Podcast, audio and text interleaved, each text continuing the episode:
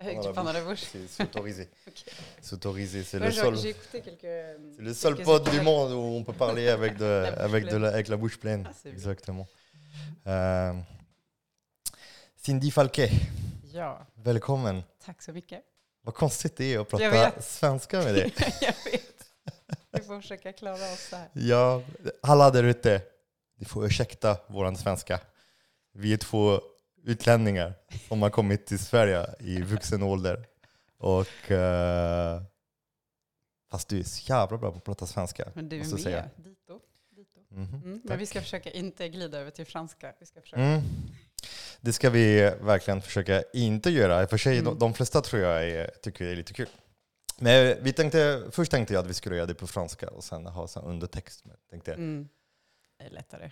alltså det är ändå enklare att prata på svenska Ja. eftersom det är ändå våra arbetsspråk. Ja, så det är nog bra att vi gör det. Jag hade haft svårt att berätta om allt jag gör på, eller allt jag gör, det jag gör på Mm. franska. Det, mm. Berätta, kan du berätta för, för alla vem du är? Vem jag är? Eh, ja. eh, ja, jag heter Cindy Falke Lind Falke, faktiskt numera. Jag är gift sedan i augusti. Förlåt. Ja, nej, det är ingen fara. Jag är 36 år eh, och jag, precis, jag föddes då i Frankrike och kom till Sverige som vuxen när jag var 23. Eh, och i Sverige jobbar jag då som borgarrådssekreterare, alltså politisk, som politisk sakkunnig åt ett borgarråd som är ett kommunalråd, fast i Stockholm. Eh, eftersom det är Stockholm, det är huvudstaden, vi måste alltid låta lite så här finare eller annorlunda, så det heter borgarråd. Ehm, så jag är politiskt sakkunnig eh, hos Åsa Lindhagen som är miljö och klimatborgarråd. Ehm, och det är det jag gör, så jag får betalt för att tycka till och eh, driva igenom miljö och klimatpolitik helt enkelt. Och det, är- jag är anställd av eh, Miljöpartiet i Stockholms stad, så jag jobbar politiskt. Inte neutralt, ett dugg. Så du är inte här neutralt. Det, Nej, Det nej precis. Sen, ja. det gillar jag. Ja, men det är Så precis du har en agenda. ja, men det är bra. Nej, men så det är det jag gör. Och jag, om jag ska komplettera, jag jobbar för MP, men jag, också, jag har faktiskt interna uppdrag för MP också. Så eh, jag är ordförande för en grej som heter jämställdhets och mångfaldskommitté inom MP. För de flesta politiska partier har eh, kvinnoförbund Mm. så, så här, moderatkvinnor, S-kvinnor, C-kvinnor och sådär, liberala kvinnor. Men eh, Miljöpartiet har en, eh, en feminism som är intersektionell, så man ser att det finns flera diskrimineringsgrunder än bara kön. Så då har man en kommitté som heter jämställdhet och mångfaldskommitté, så man ser flera aspekter av frågan helt enkelt. Mhm. Ja, och där är jag ordförande och det är väldigt kul.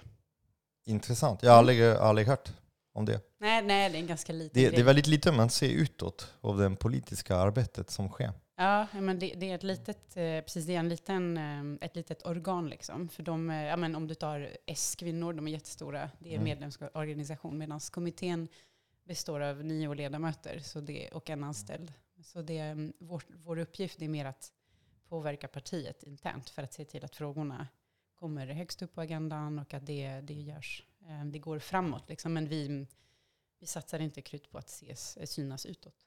Väl Okay. Det är väl därför. Har alla partier en sån? De flesta har nog det. Eh, Men då är det så här kvinnoförbund ofta. Så Mhm. vi, ser, vi har ett, en bredare uppgift. Men det senaste vi gjorde som kommitté var att producera en handlingsplan mot rasism, antirasistiska handlingsprogrammet. Så du ser, det är inte bara, Mm.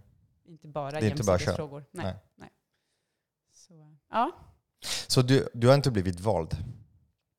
Ehm, Hur, mitt eh, lönejobb, nej, mitt lönejobb, det var liksom, för lönejobbet var det en vanlig eh, liksom, inställningsintervju hos Mm. Åsa då. mhm. Men det, som, det uppdrag jag har som ordförande, jo där blev jag vald. Eh, Jag kandiderade, och det, men Mhm. det, det är ett internt val. Mhm. Så eh, folk som inte är medlemmar i MP kan inte rösta i de här valen, utan det, är, det är bara för medlemmarna och det är riksvalberedningen i Miljöpartiet som tittar Mm. på kandidaturerna och föreslår de som de tycker eh, lämpar sig för uppdraget. Mhm. Så jag har blivit vald, men av en eh, ja, intern instans, kan man säga. Mhm. Mm. Okej. Mm. Ehm, Partiernas hemliga liv. ja, det är, tycker det, jag är så inte insatt i politik, Jag i, i logistikpolitik. Ja. Eh, och eftersom jag har, jag har det livet jag har, jag har känt att jag har kunnat påverka på ett helt annat sätt än, än att lägga massa tid och energi. Just Mm. nu känns det som att politik är ju jobbig, jobbig ämne. Eh, för det är en sån konstig klimat med alla Mm. jag, jag brukar alltid jämföra med Frankrike som har också så här jättekonstig politik om man tittar. Som, som är väldigt olämplat för att skapa stora förändringar. Mm. Det är väldigt mycket statu Mm. quo. och Det som gör, det är någon som vävar någonting och sen nästa som kommer väva bort den och Mm. börja. Och eh, vad jag har förstått, det, det du jobbar med här för Stockholms stad, det är lite mer långsiktigt typ av politik. När man är lite kanske partiobunden. Eller är det så här, hur mycket blir du påverkat nu om, om typ, till exempel Miljöpartiet får, får så lite röster? Blir, blir du påverkad? Ehm, så det, det är klart att jag, jag som person och liksom... Förutom att du blir ledsen. Alltså. Ja, det, det är klart jag blir att ledsen. ingen fattar! Nej men det är så här. ehm, I kommunvalet, liksom, om MP får eh, väldigt lite röster på kommunal nivå, Mm. så få röster så att vi inte kan ingå i en majoritet, då, då är det en förlorad mandatperiod. Mhm. Då rycker MP liksom, och eh, mycket av MPs politik. Så det ska man ha klart för sig. Mhm. Det, är- sen är det så, såklart att vi jobbar, ja, men nu exempelvis så håller staden på att ta fram det nya miljöprogrammet som, som verkligen är det övergripande, som Mm. styr alla mål som har med miljö och klimat att göra. Så det är ett sätt för oss, och det ska gälla till 2030, så det är ett sätt för oss att försöka förankra den här politiken djupt, djupt, djupt i stadens organisation, just för Mm. att undvika när Nej men ett år är det någonting som gäller och andra nästa år så är det något annat. Men sen är det klart att när det kommer eh, ett nytt styre, en annan majoritet, de kan absolut riva upp beslut. Så Mm. ingenting, det har vi sett nu på riksnivå. Det är väldigt tydligt. Man kan inte ta något för givet. Liksom. Det går inte. Jag tror det, det är nästan det som man har tagit för givet i Sverige. Det hörde man hela tiden. Så här, men, att det var nästan ett problem. Så här, ja, men alla partier är för miljö och klimat och liksom, varför finns ni ens kvar som parti? Mm. Och nu har vi sett verkligen, nu är jag partisk, men det, alltså det, då vet liksom lyssnarna att Ja. ja. det, Det finns faktiskt en, en Ja. matbarometer som Reformaten Ja, gör. Där de frågar ju alla partier Mm. eh, vad de har för mål och miljömål och hur Mm. de svarar på ett antal frågor. Och där ser man hur ojämnt Mm. det är. Och hur viktigt det är för att det är lite som, nu vi har pratat väldigt mycket mat i den här podden. Mm. Eh, och, och vi, vi, kommer, vi kommer till. Vi kommer dit. Vi kommer dit. Vi kommer dit för dels du är, du är fransk så det är klart att du Ja, Du- du brinner för- för mat, intresse. Men också för att eh, Stockholm är också ett stad som försörjer väldigt många Mm. med, med mat och det finns en stor agenda Mm. när det gäller mat. Men eh, eh, det som är häftigt är att se hur de olika partierna verkligen så har en helt annan agenda när det gäller, Mm. eh, när det gäller eh, alltså miljö. Och det kan man se, det kan man se nu. Mm. Hur, kan inte du berätta lite grann om, om, om Stockholm? Nu, för du pratade om mål 2030, det känns typ imorgon. Mm. Finns det kvar så här 2030 mål?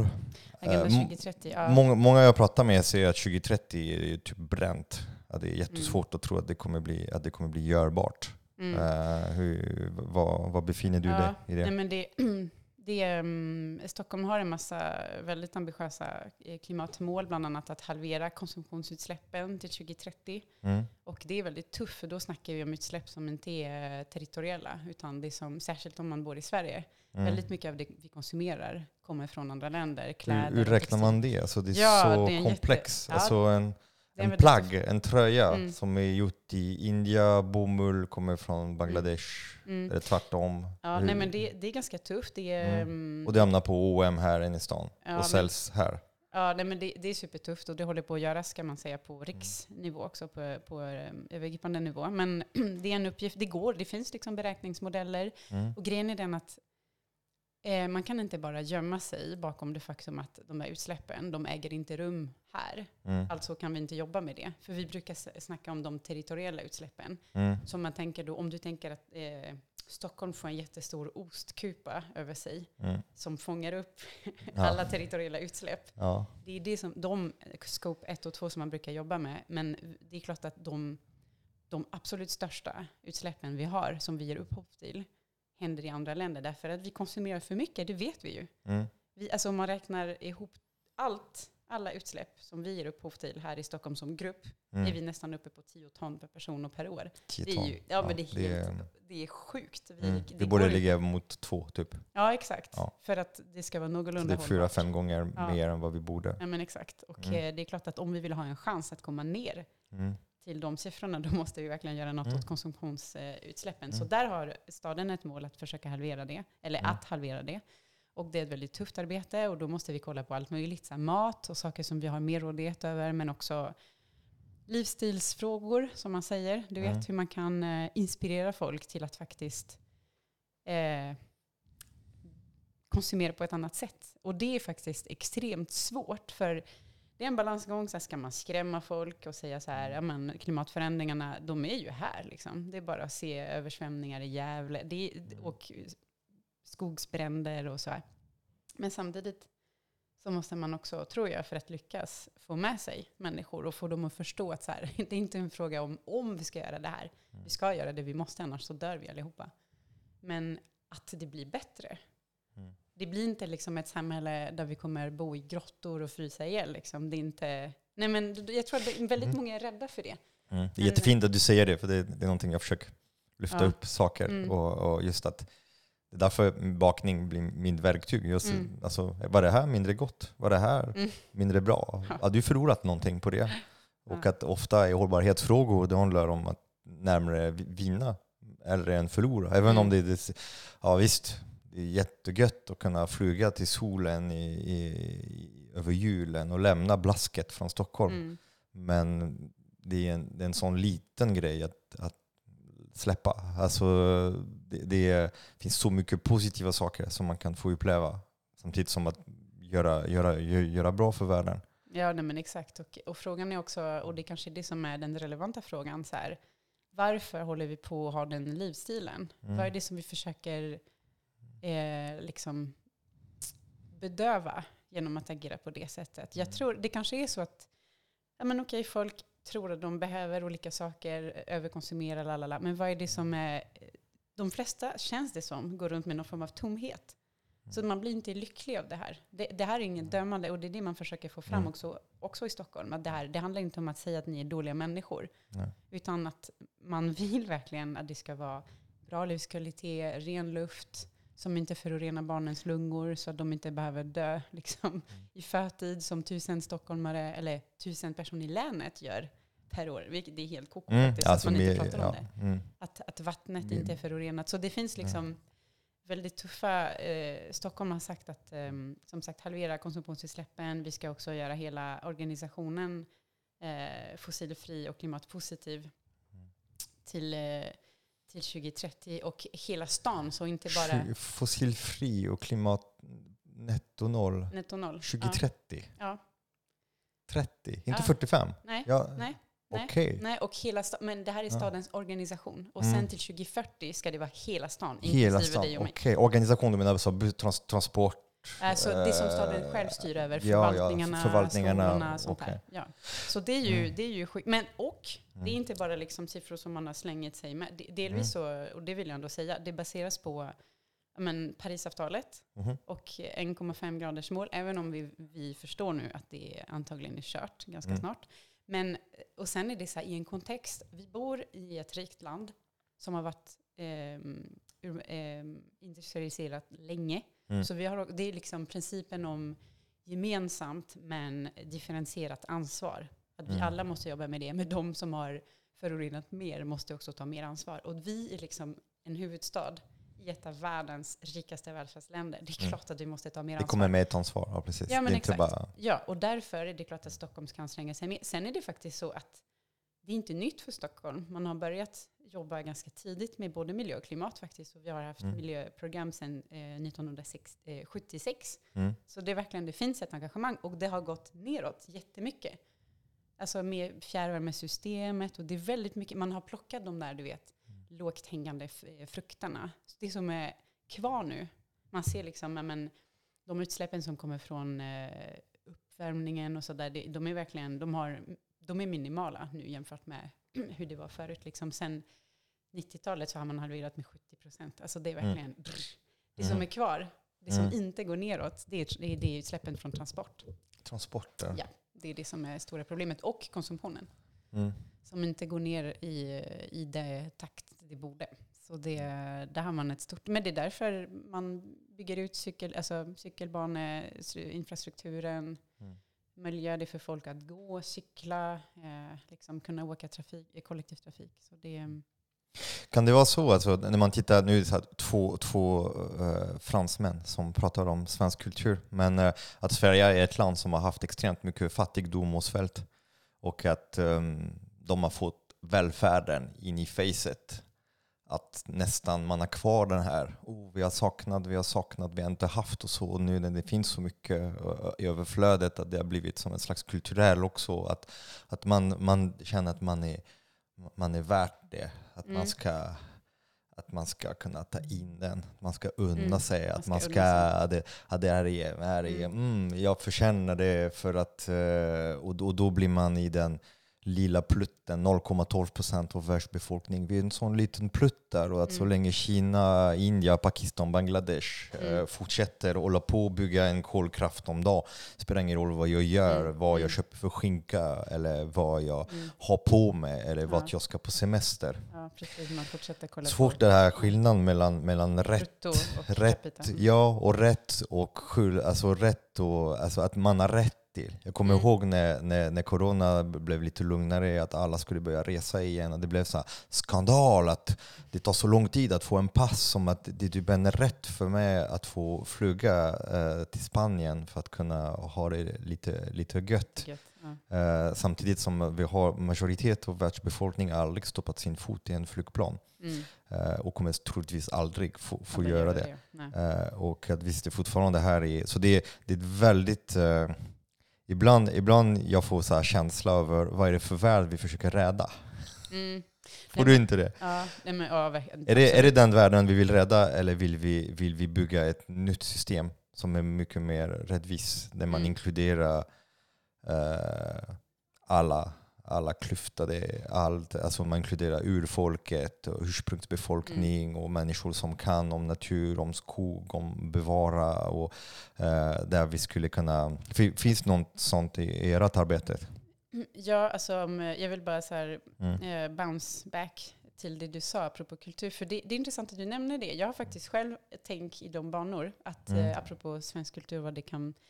Att det, vi bor liksom i ett land som har haft verkligen länge en historia präglad av extremt mycket fattigdom och lidande och liksom absolut inte överflöd av råvaror. Och jag tror absolut att i det kollektiva minnet kan det vara någonting som känner så här, vi, har, vi förtjänar det här, vi ska unna oss det där fantastiska verbet, du vet. Mm. Ehm, och det gör att det bygger en jättehög så här, tröskel, tröskeleffekt. Att folk vill absolut inte släppa på någonting. Inte, inte köttet, inte bilen, Mm. inte liksom resan till Thailand. Därför att det har man rätt till. Man, har, rätt, man har liksom knogat och kämpat, försöker gö- göra Mm. rätt för sig. Och jag sorterar minsann mina sopor, mitt, mitt eh, avfall, Mm. så då har jag rätt att resa. Och det, det är någon form av så kognitiv dissonans här. Mm. Liksom. Eh, det går inte ihop. För det, och det är det som är grejen. Jag tror enda sättet att komma ur det här, det är att försöka berätta att så här, det vi försöker göra, det är att höja livskvaliteten för dig. Vi vill att dina barn och du ska andas i en frisk, färsk luft. Vi vill att du ska kunna bada i ett hav där det faktiskt finns fiskar. Mm. Att du ska kunna äta fisk utan att bli förgiftad. Att du ska kunna dricka vatten. Mm. Utan, men, men den här berättelsen går väldigt trögt framåt. Men jag tror som du Mm. att ehm, eftersom jag har gjort samma analys som du så Mm. har jag också landat i att vi måste berätta varför vi gör det här. Mm. Att absolut, vi har ett ansvar gentemot andra, men vi vill också, det kommer bli bättre för alla. Alla, en en. Annars så kommer det inte, det är liksom mänsklig psykologi. Det är, om Mm. inte någon annan anstränger sig så vill inte jag göra det. Varför ska jag offra någonting? Mm. Så det är så människan som, som eh, varelse verkar funka. Liksom. Det är väldigt... Eh, Mm. Ja, det, är, det är väldigt fullt med, med, med kognitiv dissonans i många led. Det är också att svenskarna, som, alltså alla jag känner, de är så himla mån om rättvisa Mm. och man är så himla mån om att det ska vara schysst, att, eh, alltså u-land, u-länderna Mm. och, eh, och samtidigt man ser i, i konsumtionsmönstren, de, de syns inte. Nu man ser när det har blivit lite dyrare med matpriser. Alltså Mm. Folk börjar köpa besprutade bananer från, från Costa Rica eh, och Panama igen och, och um, kanske ta den billigaste, så big back på kött och, och många går tillbaka till kött. Köttkonsumtionen har ökat igen nu. Okej, privat, ja. Intressant. och, och den konventionella. Och eh, det har kommit en rad olika, ja, men som nu märkning som är från Sverige som Mm, mm. använder båda nationalismen, blå och gul färger, att det är svensk. Mm. Att det, om det är svensk då är det bättre. Och sen när man tittar lite närmare med, med ögonförstorning då ser man att okej, den här grisköttet är inte så mycket svensk. Det är en gris som andas, andas frisk luft, eh, svensk luft och druckit svenskt vatten med fodret. Och Mm. Allt som har gjort grisen till en gris egentligen kommer från utomlands och importerat från Brasilien eller Argentina. Och, och då plötsligt blir Men att samtidigt man värdesätter mer det svenska än, än helheten på, på en produkt. Mm. Det är väldigt eh, problematiskt för det gör att de som gör väldigt bra hela vägen, de har det mycket, mycket svårare. Ja, nej men absolut. Och man anspelar lite på, eh, jag tror att många, eller jag tror det är bevisat att många, de flesta svenskar har förtroende för liksom staten och myndigheter. Man har någon form av tillit, vilket är jättebra. För Är, det, är det bra att ha det? nej, men oftast är det bra. Ja. Eh, För det betyder att man, eh, man kan också få igenom reformer snabbt. Men Mm. Jag brukar liksom, ett, ett exempel som inte har med liksom, den ekologiska hållbarheten att göra, men som ändå är ganska talande, det är om barnaga 79. Mm. eh, så- som förbjuder att man eh, slår barn helt enkelt, eller hotar dem att göra det. Mm. Eh, och det som är intressant är att det gjordes en undersökning ett år, för det var såklart en debatt som hade pågått i några år och Mm. lalala. Ehm, Ja, jag har fortsatt få stryk under de där åren. Precis, och vi med. Nej, in, inte, ja. Men i alla fall, det som är intressant är att man gjorde någon form av undersökning eh, ett år innan lagen eh, klubbades igenom. Mm. Och då var de flesta svenskar, jag tror det var 75 procent som tyckte att det var koko, att nej, det här är liksom en familjeangelägenhet, staten ska inte lägga sig i det här. Mm. Och eh, politiken då var visionär och tänkte, nej, eh, om vi vill ha fred på jorden typ, eh, måste vi börja med oss själva och barnen har rätt till eh, att växa upp utan eh, att vara rädda eh, och så. Mm. Ja, nu hårdrar jag, men det är klart att det var lite det som var Mm. visionen och så klubb, klubbade man igenom lagen. Och typ ett år efter gjorde man en ny undersökning. Så vad tycker du nu då? Mm. Och de flesta, jag tror det var omvända siffror. Mm. 75% tyckte att det var förträffligt. Mm. Och för mig, i, i det här fallet, när man litar på, ja men okej, vi kanske inte höll med. Men regeringen, de som styr har fattat det här, vi litar på att det var en bra idé. Liksom. Så det, i grunden kan det vara fint med, med tillit, för annars, ja men, om inte vi har ett samhälle som vilar på tillit till varandra, att vi faktiskt vill varandra väl, att vi tror, att jag tror att du, kommer, att du vill mig inte illa, vi kommer kunna hjälpa varandra. Det gör också att man kan komma framåt snabbare och att man har en, ett snällare samhälle som inte övervakar och misstror och eh, är rädd liksom för Det varandra hela jävla skulle jag tiden. säga, det är väldigt mycket rädsla tror jag. Mm. Nej, Rädsla. det det är det man ser nu som växer, den här Mm. rädsla som Mm. springer runt och Ja. gör att folk plötsligt börjar, när man är rädd, man är inte, Mm. man är inte rationell och samtidigt samhället är inte så rationellt just nu Nej. känns det så. Det är väldigt mycket Nej. som gör emot det som bör göras. Nej men verkligen. Men det så i, i grunden tycker jag det, det är bra. Det finns den här tilliten. Men apropå sigillet eller vad det nu heter, märket från Mm. Sverige. Det som är, jag tror att många kanske har förstått så här, ja, men om det är producerat i Sverige då är det kanske bättre ur klimatsynvinkel. Och ibland är det sant, ibland Mm. inte. Mm. För om du odlar tomater i vinter under, i ett växthus i Sverige, det är Mm. faktiskt sämre för Mm. klimatet än Ja. att eh, inte göra det, inte köpa det exempelvis. Och växthuset är en liten bråkdel, för det är Ja. insatsmedel, det är pesticider och konstgödsel. Nej, och det är exakt. en växthus på sommar Mm. är också dåligt. Det är därför när producerat, om det är producerat på ett dåligt sätt, Mm, det är nej. värre än långt, Ja. långt borta, bra producerat. Ja, men det är väldigt, eh, precis, det är väldigt komplext. Men det är, Mm. mm. vad vill jag säga med det? Att, eh, menar att många blir också lite vilseledda på något sätt. Att, Mm. att man inte, inte vet, det är jättekomplext och att man Ja. inte heller vet, det är det jag, nu kommer jag ihåg, att ehm, man anar inte heller hur mycket det tillåts Mm. att göras. Att industrin kan faktiskt släppa in hur många produkter som helst och att sen du och jag, det är fantastiskt, via vattenkollektivet betalar för att liksom reningsverken ska hitta på nya filter för att vi inte ska Rensa få i allting. oss. Exakt. Mm, Så vi betalar två gånger. Loop. Mm. Nej, och jag tror de flesta har ingen aning om detta och då är det lättare kanske att lita på det här, den här märkningen antagligen. Ja, ja, det är ett avsnitt med, med Mats-Erik Nilsson som är Ja. granskningsjournalisten och han Yes. pratar väldigt mycket om just hur mycket industri Ja. är tillåtet och hur mycket tillsatser är tillåtna. Mm, Och hur minst vi lever i en, ja, men alltså vi lever i en tvärtom värld. Det är de som inte använder gifter och skadliga ämnen som är fria. Som och, alltså bevisa, de som inte använder dem, de måste bevisa, betala, köpa en certifiering och betala för kontroll och som, som är så benägna att Mm. vara trovärdiga i att de inte använder gifter. Mm. Medan de som använder dem får helt fritt fram. Det är så, Mm. mycket, så himla mycket tillåtet. Jag, jag önskar att det fanns en mycket mer eh, högre transparens i produkten och i märkningar. Och det känns helt omöjligt för att eh, när man pratar med politiker, de säger att det, det, det går inte för det skulle vara ett slag mot industrin. Att industrin skulle få så mycket smäll över det. Men varför då? Alltså det, Ja, det men för att om du ser en potatis, om du ser ett paket müsli och om det skulle stå om det är 16 olika pesticider som används för att producera den, de flesta skulle inte köpa det. Ja, men så, Det det, var samma retorik som man Mm. Använde innan, när vi gick in i EU. Det var lite samma sak. Liksom. Eh, det är ändå ganska reglerat kring livsmedel och det finns ändå innehållsförteckning. Och Mm. innan det blev krav på att faktiskt redovisa vad det innehåller så hörde man samma sak. Mm. Nej, men det går inte. Vi vi måste använda vissa konserveringsmedel. Och Mm. det går inte. Och sen blev det ändå obligatoriskt att redovisa vad produkterna innehåller. Men tänk på att när det, blev oblig- mm, när det blev obligatoriskt, det blev också en liten förändring och då, då man har gjort en, en helt rad anpassning. mm, Nu man kan se till exempel den nya lag om, om vin till exempel, Mm, om mm. innehållsförteckning på vin som började verka 8, 8 december. Eh, den, är den gick igenom för att den har blivit omformad Mm. till fördel för vinindustrin. mm, Där de har kunnat få sina villkor, att det blir inte så synligt, det blir en QR-kod och sen mer än hälften av tillsatserna ryckte från att tvingas till att redovisas för att Mm. det är spår eller det är en processtillsats. Så Mm. Alltså på något sätt man kan tydligt se hur industri har sin, har sin tass Mm. i regelverk och hur den tassen kommer in hela vägen till den politiska världen. Och det är lite det som får mig och kanske många också att tappa lite förtroende i politiska debatten. För den är ju riggad lite eftersom man har inte utrymme. Känns som att eh, för politikerna, de är inte dumma.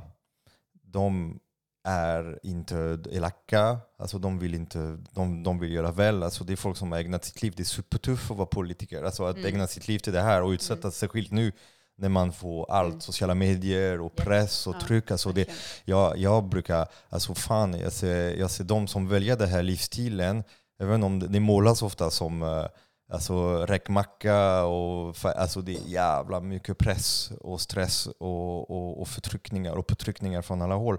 Men eh, det som känns är att det är väldigt många som är lite låsta, som har lite kedjor och som inte har utrymme att kunna... Och som du sa, folket de har inte sanningen i sig. Alltså, plötsligt man är emot barnhaga, sen är man för och kolla i England med Brexit. Och alltså när man frågar befolkningen i ett land.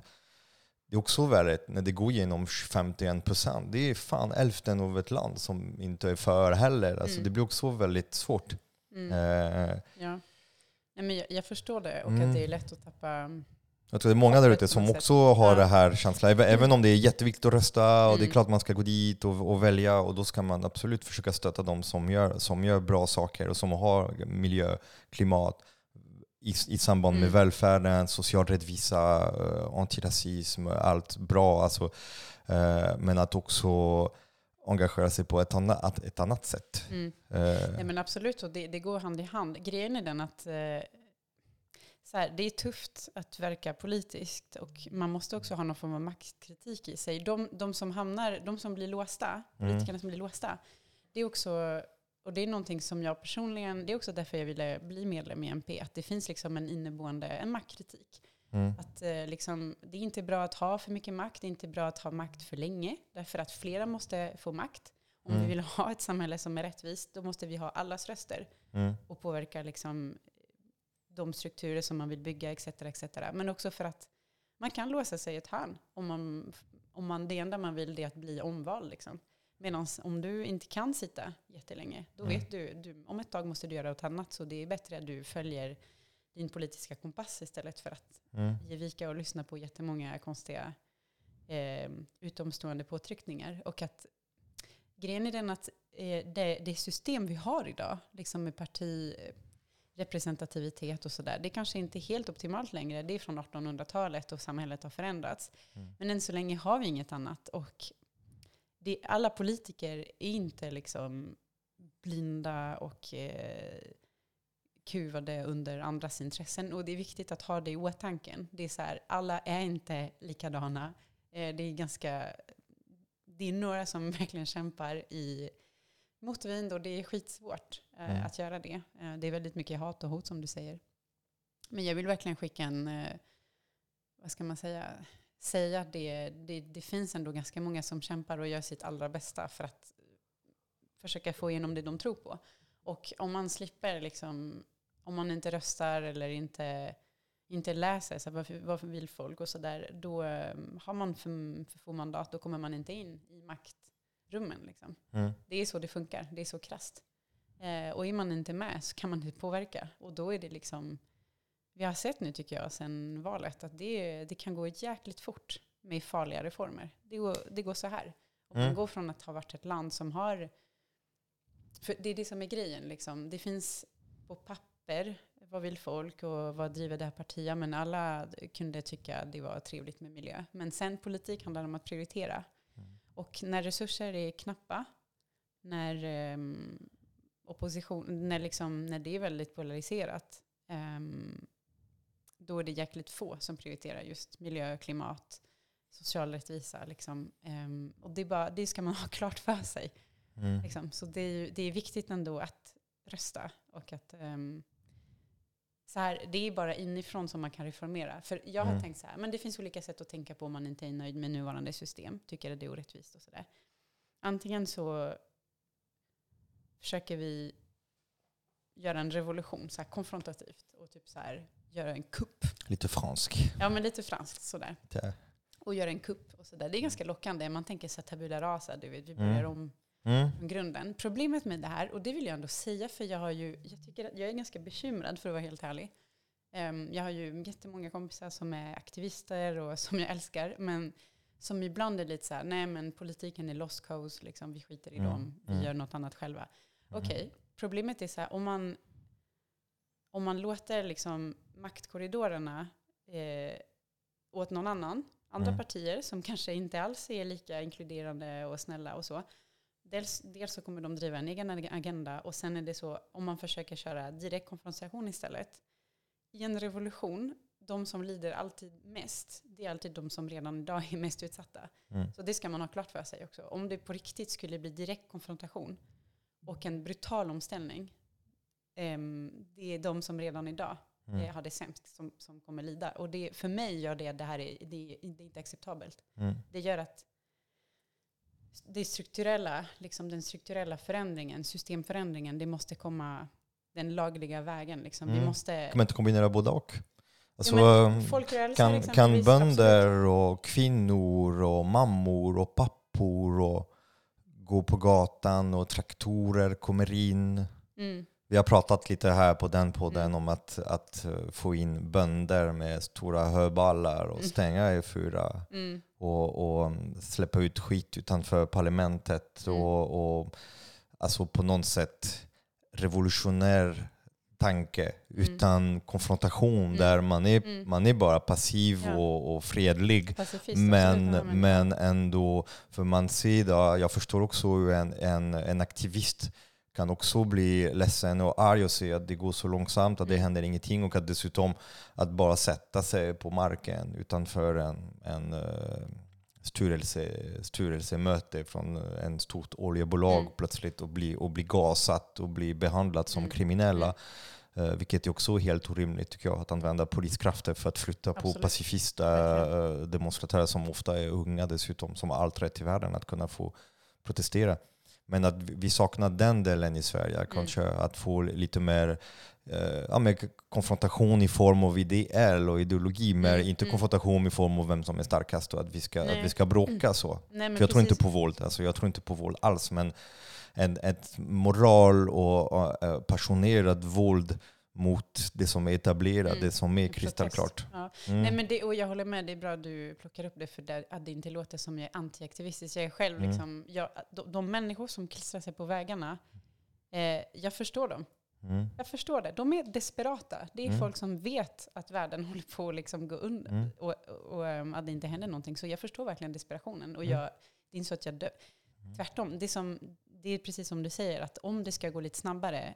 Jag kan uppleva själv som politiker, när jag ska förhandla igenom saker, att hade man lite mer stöd, om det Mm. var liksom fler som Ja. orkade demonstrera, så, så hade det känts lite starkare. Liksom. Det, Vi Mm. hade faktiskt ehm, vi träffade ganska många organisationer från 25 stycken var det tror jag, tror jag från, eh, som är verksamma i Stockholm men också i Sverige. För att kraftsamla, för att vi har sagt att vi från Stockholm, vi låter inte bli med miljö och klimat, utan vi ska vara en motpol. Mm. Och vi tror på kraften i civilsamhället, man, man är också smartare tillsammans. Och jag kände väldigt tydligt så här i hjärtat, ja, men då vet man, då är vi inte ensamma. Mm. Och man, det, kan, det kan låta jättefånigt eh, att det känns så, men det känns så. Det, är när det är så här, ja, men 4% av en befolkning som röstar på MP bland annat. Mm. Och att eh, man är jäkligt ensam i förhandlingsrummen. När man ändå vet att det finns en rörelse där ute som kämpar för samma saker. Det ger mandat, det ger tyngd. Liksom. Mm. Och att de också tjatar på andra partier än bara de som redan är liksom, på samma sida. Det hjälper. Det, Mm. det är klart att det hjälper att dra saker framåt. För annars så får vi alltid höra argumenten från andra partier. Så här, men, jo, eh, människor är inte där och det finns inte någon acceptans för det. Det kommer Mm. aldrig gå. Och vi håller inte med, för vi träffar ju väldigt många som absolut vill se de reformer och Mm. och så, så det, det är klart att det går att kombinera. Men jag tänkte mest på konfrontativ i form av våld. Liksom, att man Mm. stormar institutioner eller Ja. liksom sånt. Att, Kasta eh, soppa på en skyddsglas. Ja, ja, det är ju, vad ska man säga? Mm. Försöka sma- ja, precis. skapa uppmärksamhet. Ja, nej men bara att man inte låter bli Mm. att... ehm, vi, ska, så här, vi ska inte låta någon annan ta hand om, om liksom demokratisystemen, för det är vårt. Mm. Man ska inte tro liksom att här, om vi deserterar, om vi bara, det här det är inte för mig, liksom, jag låter bli. Mm. Då, det är hur lätt som helst. Eh, vi är ändå styrda av lagar. Och om vi låter partier som inte har en progressiv agenda, som vill rädda miljö och klimatet, ta Mm. de rummen, Mm. då är det kört. Liksom. Och vi har inte råd med det, vi har inte tid. Nej. Så snälla, gör inte det. Mm. Och jag engagerar er. Vi Ja. behöver vara fler på gatorna. För Absolut. det har alltid varit min, min stora undran när man frågar folk där ute vad de, alltså de är väldigt rädda, de är väldigt oroliga, Mm. de tänker klimat, Mm. klimatförändring, de olika, olika förlust och biologisk mångfald. Jag, Mm. jag hade Karin Gerhardt här som pratade om hur vi har tappat tre fjärdedelar av våra Mm. fåglar och insekter på jorden på bara 30 år. Mm. Och eh, det där borde ju vara på allas agenda Mm. Att gynna biologisk mångfald. Och jag har haft andra som har pratat om hur skogen är, har blivit klimatnegativ Mm. istället för att vara positiv i hela Norden, i Finland, i Sverige, i Norge. Alltså, där vi har, eh, och eh, alla de där borde, eh, folk är väldigt rädda och oroliga och vill engagera sig i det. Men samtidigt, de vill inte rösta för den endaste parti som, är, som faktiskt har det som prio ett i sin agenda. Som att folk lägger mer prio på eh, pension, inflation, Mm. gängkriminalitet. Precis. Som, och jag förstår att gängkriminalitet är, är, ett stort problem och den, det är klart den, den ska adresseras. Men om man ska jämföra långsiktiga risker med det, det är absolut alltså det är en piss i havet. Ja, om man tittar, alltså Mm. det, är så, det är så man ser hur irrationella är, vi är. Att vara rädd, mest rädd för det som har minst chans att hända. Mm. Ja, det är ofta så. Man är rädd över saker som... Jag tänkte pension, alltså, jag vet inte. Just nu, jag är, jag är snart 50. Jag tänker jag ska behöva säkert jobba 25 år till. Alltså om 25 år, alltså hur ser min pension ut? i den samband med vad världen kan se Mm. ut, tanken på vad, vad forskningen och vetenskapen säger idag. Det är mitt sista bekymmer, det är att veta om jag ska ha så många tusen, eller så många tusen, eller så många tusen. Alltså jag borde vara mer orolig över flöde av människor och migration baserat på klimat, människor som blir utsatta på andra sidan världen på grund av just vår Mm. konsumtion och Mm. vårt, vårt levnadsstil. Eh, och att vi som är främst och starkast och som har mest verktyg och som dessutom har haft fördelar. För man glömmer kanske att i Sverige, alltså man har inte fått, eh, man har inte fått ruinera sig på två världskrig. Nej. Man har inte eh, behövt bränna kol för att kunna producera energi. Man har haft vattenkraft och man har haft den här skogen man har kunnat bruka. Man har haft massa mineraler och järn och rikedomar. Alltså, vi har ett klimat som är snäll för odling i södra Sverige, som är bra för skogsbruk och gruvarbetet. Alltså Mm. Det finns ändå ett väldigt stort rikedom. Så vi har så grymma förutsättningar. Mm. Och tanken, jag tänker alltså om vi inte kan lösa de där problemen, tanken på den goda förutsättningen vi har, vem ska, ska vi be de andra att att göra det? Nej men exakt, och det, det är precis det som är svaret på um, alla de där argumenten som vi hör hela tiden om att jo men det är Indien och jo det är Kina. Jo men om man fortfarande kollar per capita, det är fortfarande vi som släpper ut mest. Man kommer inte undan det. Mm. Liksom. Och det, det är precis som du säger, om, man, om ingen vill vara ledare, om ingen vågar visa, men det är klart det gör, kolla Mm. här. Mm. Och skapar en trend liksom. Att, men det är klart det, och, och det är samma sak, om man vill ställa om så måste också industrin och allt annat liksom få en chans att, att faktiskt ställa om. Annars så kommer de alltid vara Mm. tvärt emot. Och det är det som är så idag. Mm. Vi har liksom en regering som har abdikerat från detta. Samtidigt som att industrin själv är bara, hallå, Hallå? Mm. men vi skulle ju producera grejer utan kol. Va? Ni kan inte bara lämna oss vind för våg. Det är klart Mm. vi ska fortsätta. Nu har vi det- börjat investera Ja, i det. Ja, och det är vindkraft hit och dit och solceller. Och det, det är det som är kul på något sätt med Mm. näringslivet. Att det finns så många smarta människor som vill och som, som förstår precis vad problemet är och som tänker bra. Ja, men då kan vi springa före och skapa liksom gröna jobb och liksom en förutsättning för en rättvis omställning också. För det, det är lite det det handlar om. Och att man inte vågar se de möjligheterna utan tänker att nej men vi, vi stoppar huvudet i sanden mer. Eh, några år till. Liksom. Det, det har jag faktiskt väldigt svårt att förstå. Det som också är intressant är att när man tänker på så konsekvenserna, eh, att än så länge så var det kanske lite så här långt borta, fåglar som dör, du vet, i, i Australien för det är så varmt. Isbjörnar.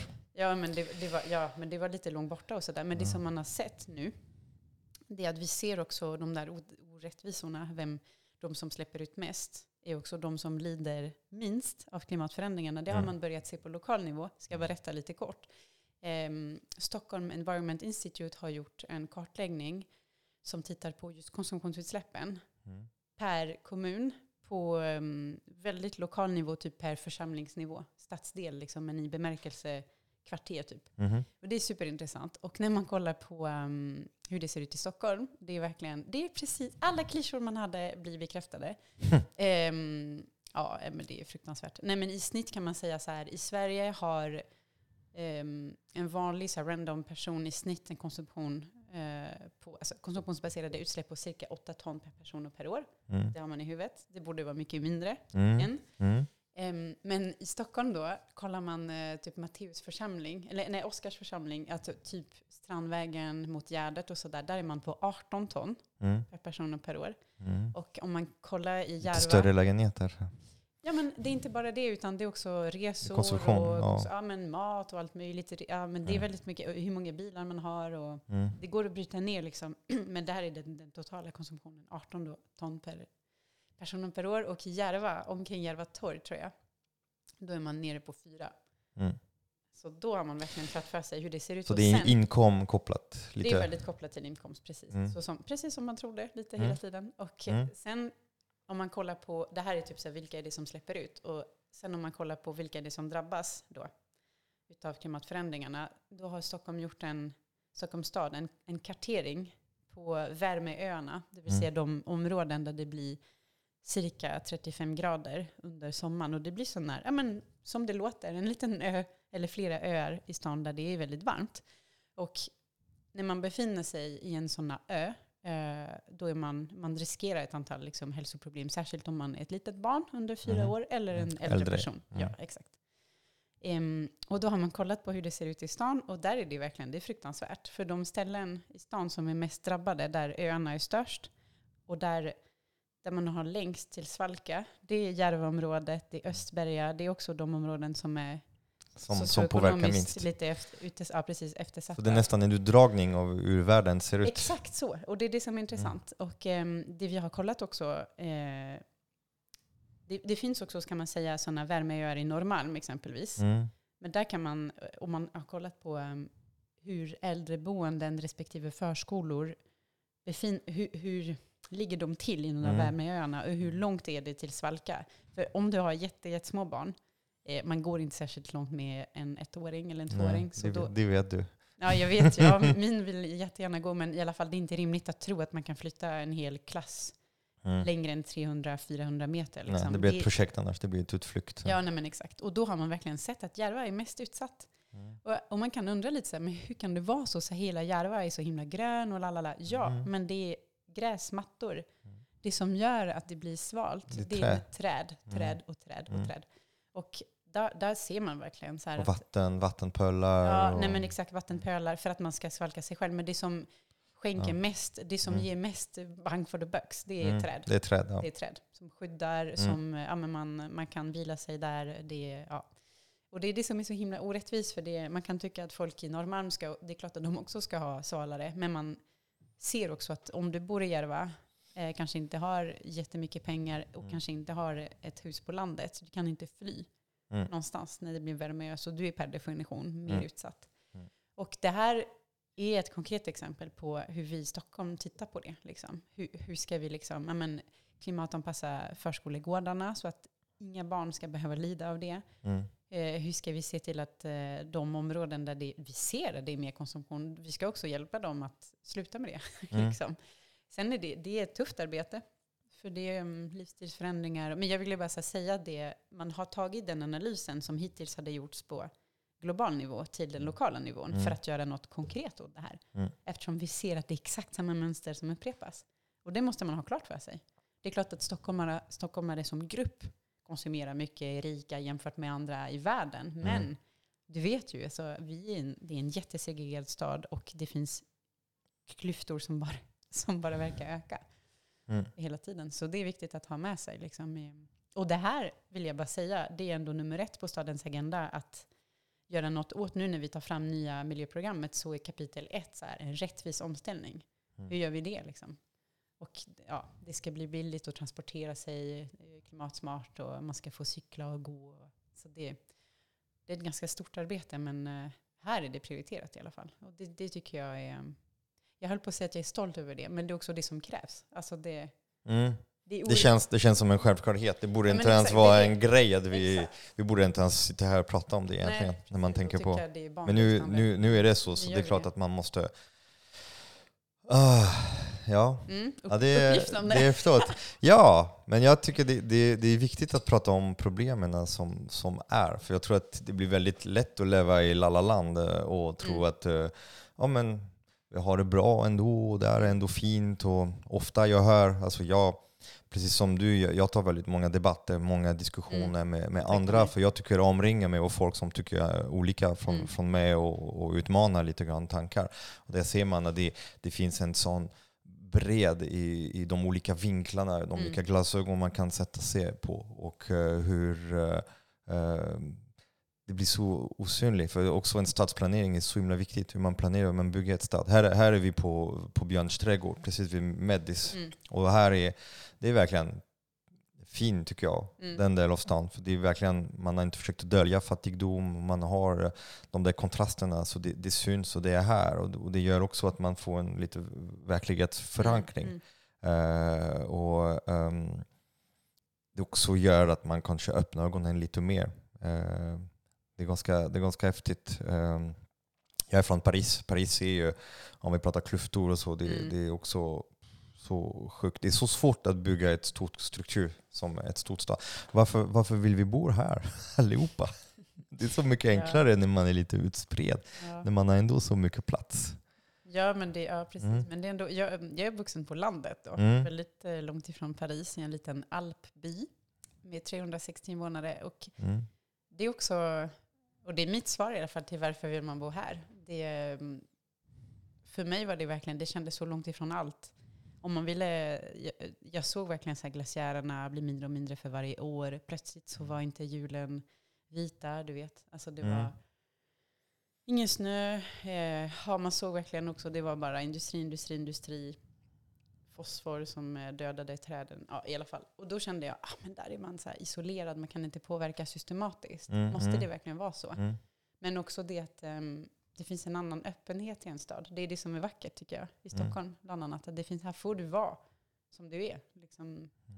det finns eh, utrymme för det känns det som. Eller det är så jag har upplevt det. Att Mm. det finns utrymme för mångfald på ett annat sätt. Men det, det är kul att kunna att det ska vara möjligt i alla fall att bosätta sig var man vill. Liksom. Man Mm. kan ändå sakna de här stora utrymmen, det håller jag med om. Mm.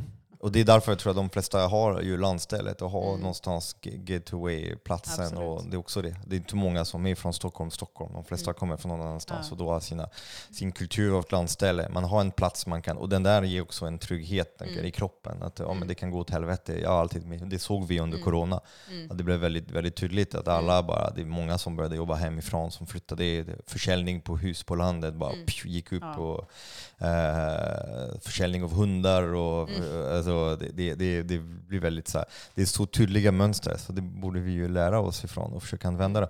Du pratade om, eh, om, eh, om skam och eh, skräm där. För jag, jag har blivit tillsagt att inte skrämma folk och inte skamma folk och det, det funkar inte. Mm. Men jag vet inte, nu efter corona känns det som att det funkar ändå ganska bra. att skamma. Så att skamma, ja absolut. Mm. Alltså det verkligen effektivt. Sen om det är, om det är snällt, eller om det är, Mm. om det är ett bra sätt att connecta med andra, kanske inte. Men eh, jag tror att eh, jag har testat att skamma lite mer nu Mm. på sistone. Och, och se, alltså, skäms du inte att göra på så här? Eller vad, tänker du på det du gör när du gör Mm. så här? Mm. Hur tas det emot då?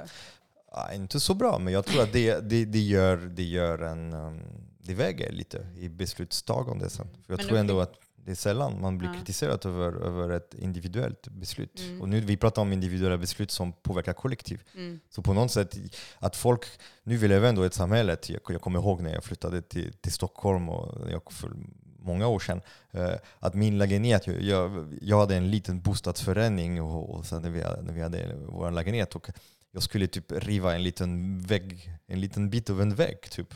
Och jag tänkte, ja men jag kör igång, sen pratar med min granne, jag säger du måste göra en anmälan Mm. och fråga alla grannar. Och, du skojar, det är min lägenhet. Och han Mm. bara, nej det är bostadsförening här. Ja. jag äger en del av din, du äger en del av min. Och jag bara, vad fan är det för jävla kommunist? eh, jag, jag hade inte förstått riktigt det här med. K- Ja. K-propriety, eh, att det var någon, men att det, det är exakt samma sak med utsläpp. Alltså jag äger inte mina utsläpp, mina utsläpp går ut där. Och eh, jag tycker det är så häftigt hur vi är så himla kritiska mot eh, andra länder som har miljöpolitik som inte lever upp till standard och eh, hur man har snackat skit om Brasilien nu Mm. under många år över hur de sköter sin regnskog och så. Samtidigt som att här i Sverige görs hur man har kritiserat andra länder som di- diskriminerar, segregerar, inte tar hand om sin urfolket och sen, och sen börjar man gräva lite i svensk historia och se hur man har behandlat eh, Sápmi och när man har behandlat eh, alla typer av, av eh, minoriteter Mm. i Sverige på ett så fruktansvärt sätt. Eh, är, är, det, är, det, är, det, är, du, är du lite koll på, på det? Hur jobbar Ja. ni? Mm. Finns, finns, eh, för jag har blivit mer och mer och mer, när jag söker mig till kunskap som har med att hitta en balans mellan natur, känslor, väl, välbefinnande och, och långsiktighet. Mm. Man alla vägar tar oss till urfolket. Mm. Om det, är, om det är Afrika, om det är Sydamerika, om det är i Asien. Alltså man ser hur människor som har levt innan det moderna samhället och den här invasiva arten som vi är. Eh, de, har, de hade under långa, långa, långa perioder verkligen byggt en balans utan att ifrågasätta ju, eh, eh, balans, ekilibrium i, i alla olika krafter. Och, Mm. och det känns som att det finns så, mycket, så himla mycket att hämta här. Mm. Hur mycket hur jobbar ni så här politisk nivå? Vad, vad finns för, för jag känner att jag har inte så bra koll på det. Det är väldigt, ehm, alltså på kommunal nivå jobbar man också med de fem nationella minoriteters rättigheter. Fem? Ja. Aha. Det är tornedalingar, Tornedal. samer och judar och eh, romer. Och Mm. vad har jag glömt? Tornedalingar, samer, romer, judar. Nu blir En femte? Ja, de är verkligen segregerade Nu de. blir det, nu blir det finska såklart. Sverige är Finns, finare. finns, Sverige är finare. Sveriges Förlåt. finskar. Förlåt, Ja, förlåt. Ja, fast ni pratar svenska bra och ni inte det har inte blivit lika, lika segregerat, men okej. Eh, Om man men jämför- de har ju lidit pina. Alltså, Om man, gör, om, om man jämför romer och, och, och, Ja. och Tornedal och, och svensk Finland, är ändå... Ja, men det, det, Mm. Man kan säga det är situationen idag. Mm. Eh, precis. Det är om den, den romska gruppen är den som har det sämst. Mm. Men romer, alltså, är det, är det hur, alltså, räknas de? Hur, hur länge har det funnits romer i Sverige? Alltså de räknas som nationell minoritet. Sen finns det bara ett urfolk och det är Mhm. samerna. Det är samerna, i, i hela Europa typ, eller hur?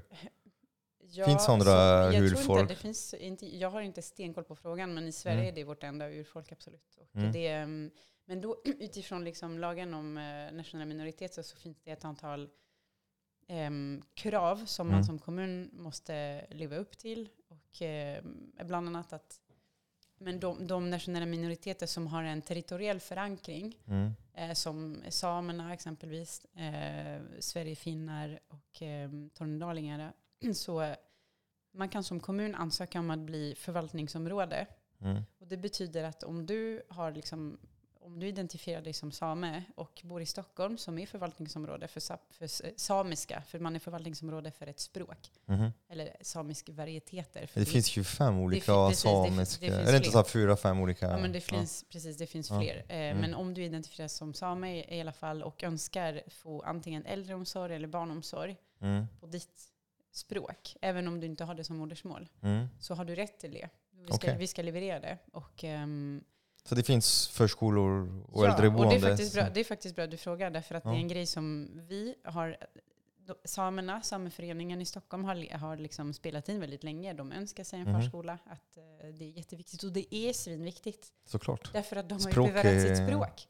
Ja, men det är klart, alltså, man har ju Mm. förbjudit Mm. människor som idag skulle kunna vara våra mor och farföräldrar att Mm. prata sitt språk. Så de har inte fört Mm. vidare det till sina barn och barnbarn. Mm. Och det gör att man liksom brutto tapp. Man snackar skit om kultur. Turkiet och kurdar och så, men det har skett Men det har, exakt man, har samma gjort sak exakt här. samma sak. Så man har ju berövat, man har ju, men vissa personer är, upplever antagligen ett stort, en stor sorg av att inte kunna ta del av sin kultur och sitt arv. Man har ju Mm. dolt att man var same Mm. för att barnen skulle få problem. Det är helt sjukt. Så det är klart att det här är en del av eh, det arbete som ska göras för att revitalisera språket. Så Mm. delvis förskolan och sen massa kulturstöd och, och stöd till civilsamhället. Mm.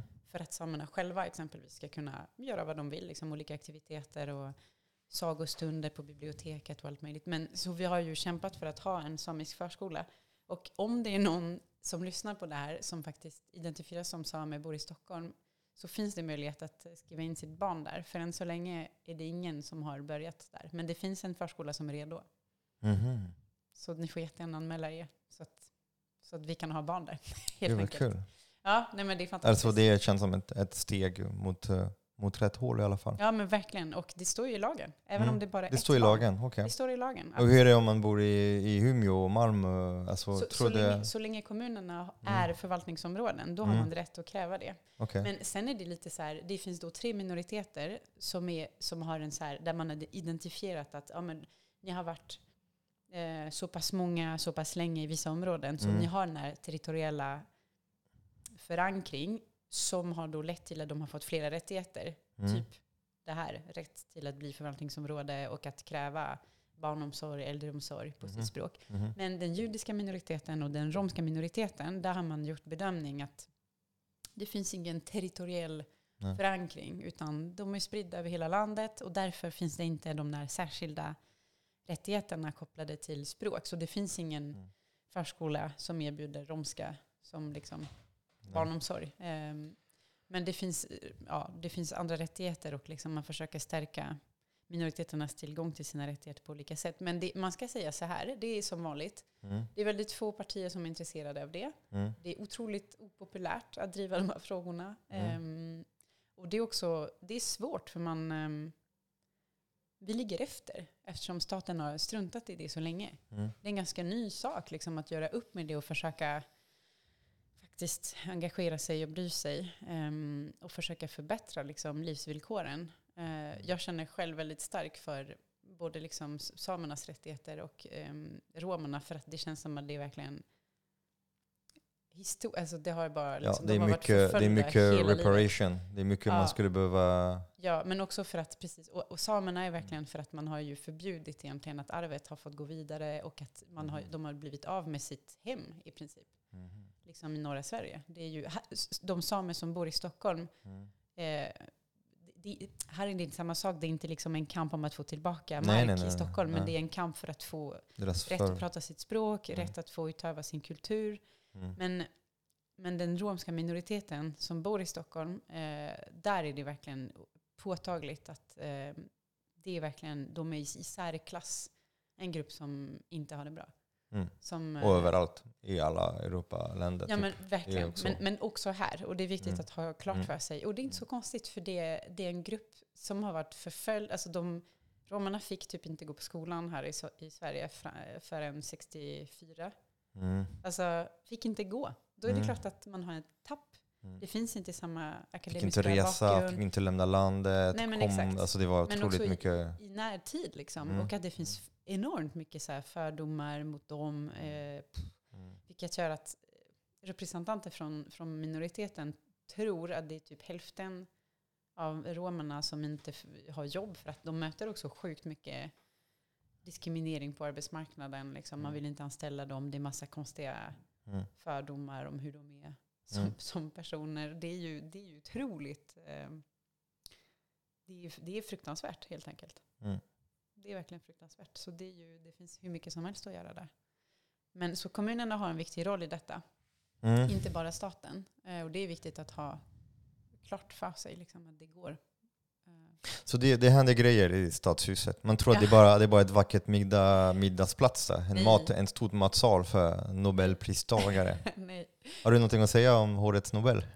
Det är som ändå, för du, du jobbar på Stockholms, i, Sto, i Stockholms alltså Ja. i stadshuset. Jag jobbar i Stadshuset. Jag, Du har ditt kontor där. Det är mitt kontor, precis. Mm. Vi får inte vara i Stadshuset när det är Nobel. Nej. för, nej, för SVT ska filma och de vill inte att vi ska råka... De har exklusivitet, så vi ska, de vill inte att vi råkar ta bilder Mhm. på liksom uppsättningen innan, Nej, nej, innan nej. det är dags. Så jag Oj, faktiskt, oj, oj. Ja, nej precis. Ja. Eh, nej, men det är, lite, det är lite kul och högtidligt och sådär. Jag, jag har Mm. faktiskt inte kollat i år, måste jag säga. Det, Nej. nej. jag är lite kluven. Liksom. Jag tycker att det är häftigt att ändå vetenskapen ska få vara i centrum och sådär. Mm. Sen har jag sjukt svårt för eh, allt som är jag vet inte, kungligt relaterat. Och, alltså, det, jag är så, jag är heligt ointresserad. Alltså Ja. mer så. Att Ni, vet, ni vet vad vi gör till kungarna i Frankrike? Exakt. Nej men eh, jag tycker att så här, i sig Mm. det är en ganska, det är otroligt fint att man kan ändå uppmärksamma vetenskapen och eh, litteraturen Mm. och fred och sådär. känns lite um, cynisk att hylla vetenskapen samtidigt som man inte lyssnar på den.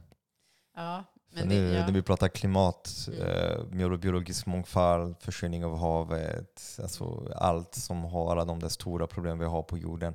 Det, det finns ett vetenskaplig grund som har skrikit och kämpat i årtal. Mm. Eh, och som det verkar som att det har inte, det har inte påverkat så jätte, jättemycket. Så det, det är också lite cyniskt över. Jag tyckte om att det var kul att eh, orkesterdirigenten och alltså, att de, de gjorde en liten kupp där och, och passade på innan Okej. de skulle spela musik och verkligen tilltala till alla nobelpristagare och också säga till dem att vi har en akut gjorde problem. de? Gud, Jajamän. missat. Ja. Och det tycker jag det är fantastiskt när, hö- när rösterna höjs Mm. Eh, de offentliga rösterna och de som man kanske inte förväntar sig ska Mm. höjas. Nej. Eh, och, ehm, för det är ofta, alltså politikerna behöver stöd, behöver backup, känns det så. Mm. eh, För att kunna utföra så att de där, det som ligger längst ner på agendan på grund av att det skapar och boring, boring, boring, det här vill vi inte prata om och sådär.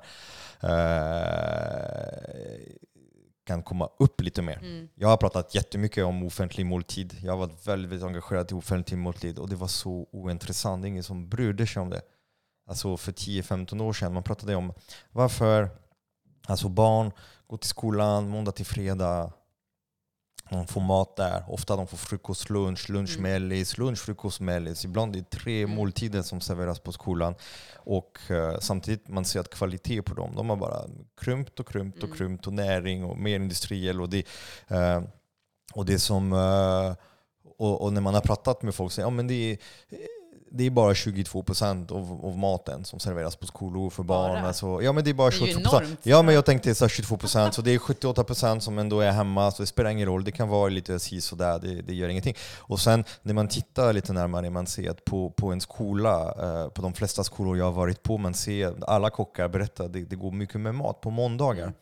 Eh, och för mig det säger bara en grej, det säger att barnen har inte det bra hemma. Att de Mm. får inte tillräckligt med mat hemma och det är mycket aktivitet på helgerna och det, man hoppar över måltider och sen man, man går och lägger sig sent på söndag, Mm. går sent på måndag, hoppar över frukosten och sen barn kommer till skolan jättehungriga. Mm. Eh, och, och det jag tänker är att tänk om barn inte har det bra hemma, kan, är det inte samhällets sk- skyldighet att säkra dem där Mm fem måltid eller tio måltider, vad det är 15 eh, per vecka för att se till så att de som inte har det bra hemma har åtminstone fem bra måltid. Eh, eh, och jag mötte det här totalt så att det här är inte på agendan riktigt. Man pratar inte så mycket om det, man pratar inte så mycket om ekologi och så. Jag vet att Stockholms stad har varit väldigt engagerad i de frågorna och att det händer jätte- jättemycket. Ja. Eh, och andra, typ i Södertälje, jag Mm. vet i Växjö kommunen, alltså Mm. det finns många kommuner som, eh, hur, hur adresserar, ni, adresserar ni det med, eh, med Stockholms stad? Och äldreomsorg och barnomsorg och, och Ja. Men det, mat generellt? Ja, men maten, det, alltså ingångspunkten är precis som, alltså det är ju en sjukt viktig fråga. Mm. Det är ju, vi, vi är en stor kommun, vi är Sveriges största kommun. Vi serverar mat till, alltså jag tror det är 160 000 måltider liksom i, det måste vara i veckan som serveras. Det är ju enormt stort, så vi har ett Mm. jättestort ansvar. Em, så vi har adresserat frågan. Vi har försökt vara pluridimensionella. Typ Mm. adressera både hälsoaspekterna, eh, för det är också en rättvisegrej som du var inne på. Vi vet ju att, eh, men jag tror om det inte är en femtedel av barnen som får sin enda varma måltid på skolan. Alltså det är ju, också i Sverige växer barnfattigdomen. Vi vet ju det. Mm. Vi kan inte liksom gömma oss. Alltså, Ohälsa, alltså verkligen. fetma och, Nej, också. Alltså det är väldigt... så, eh, ja, så för oss, vi har en strategi för god, hälsosam och klimatsmart mat. Så det är ju, Mm. det är ju, maten tycker vi är en nyckel för att komma framåt om så många frågor. Delvis så här, sänka utsläppen så mycket som möjligt. Så där Mm. har vi liksom, modellen är One Planet Plate. Att Mhm. kunna komma till 0,5 ekvivalent CO2 per portion. Och Mm.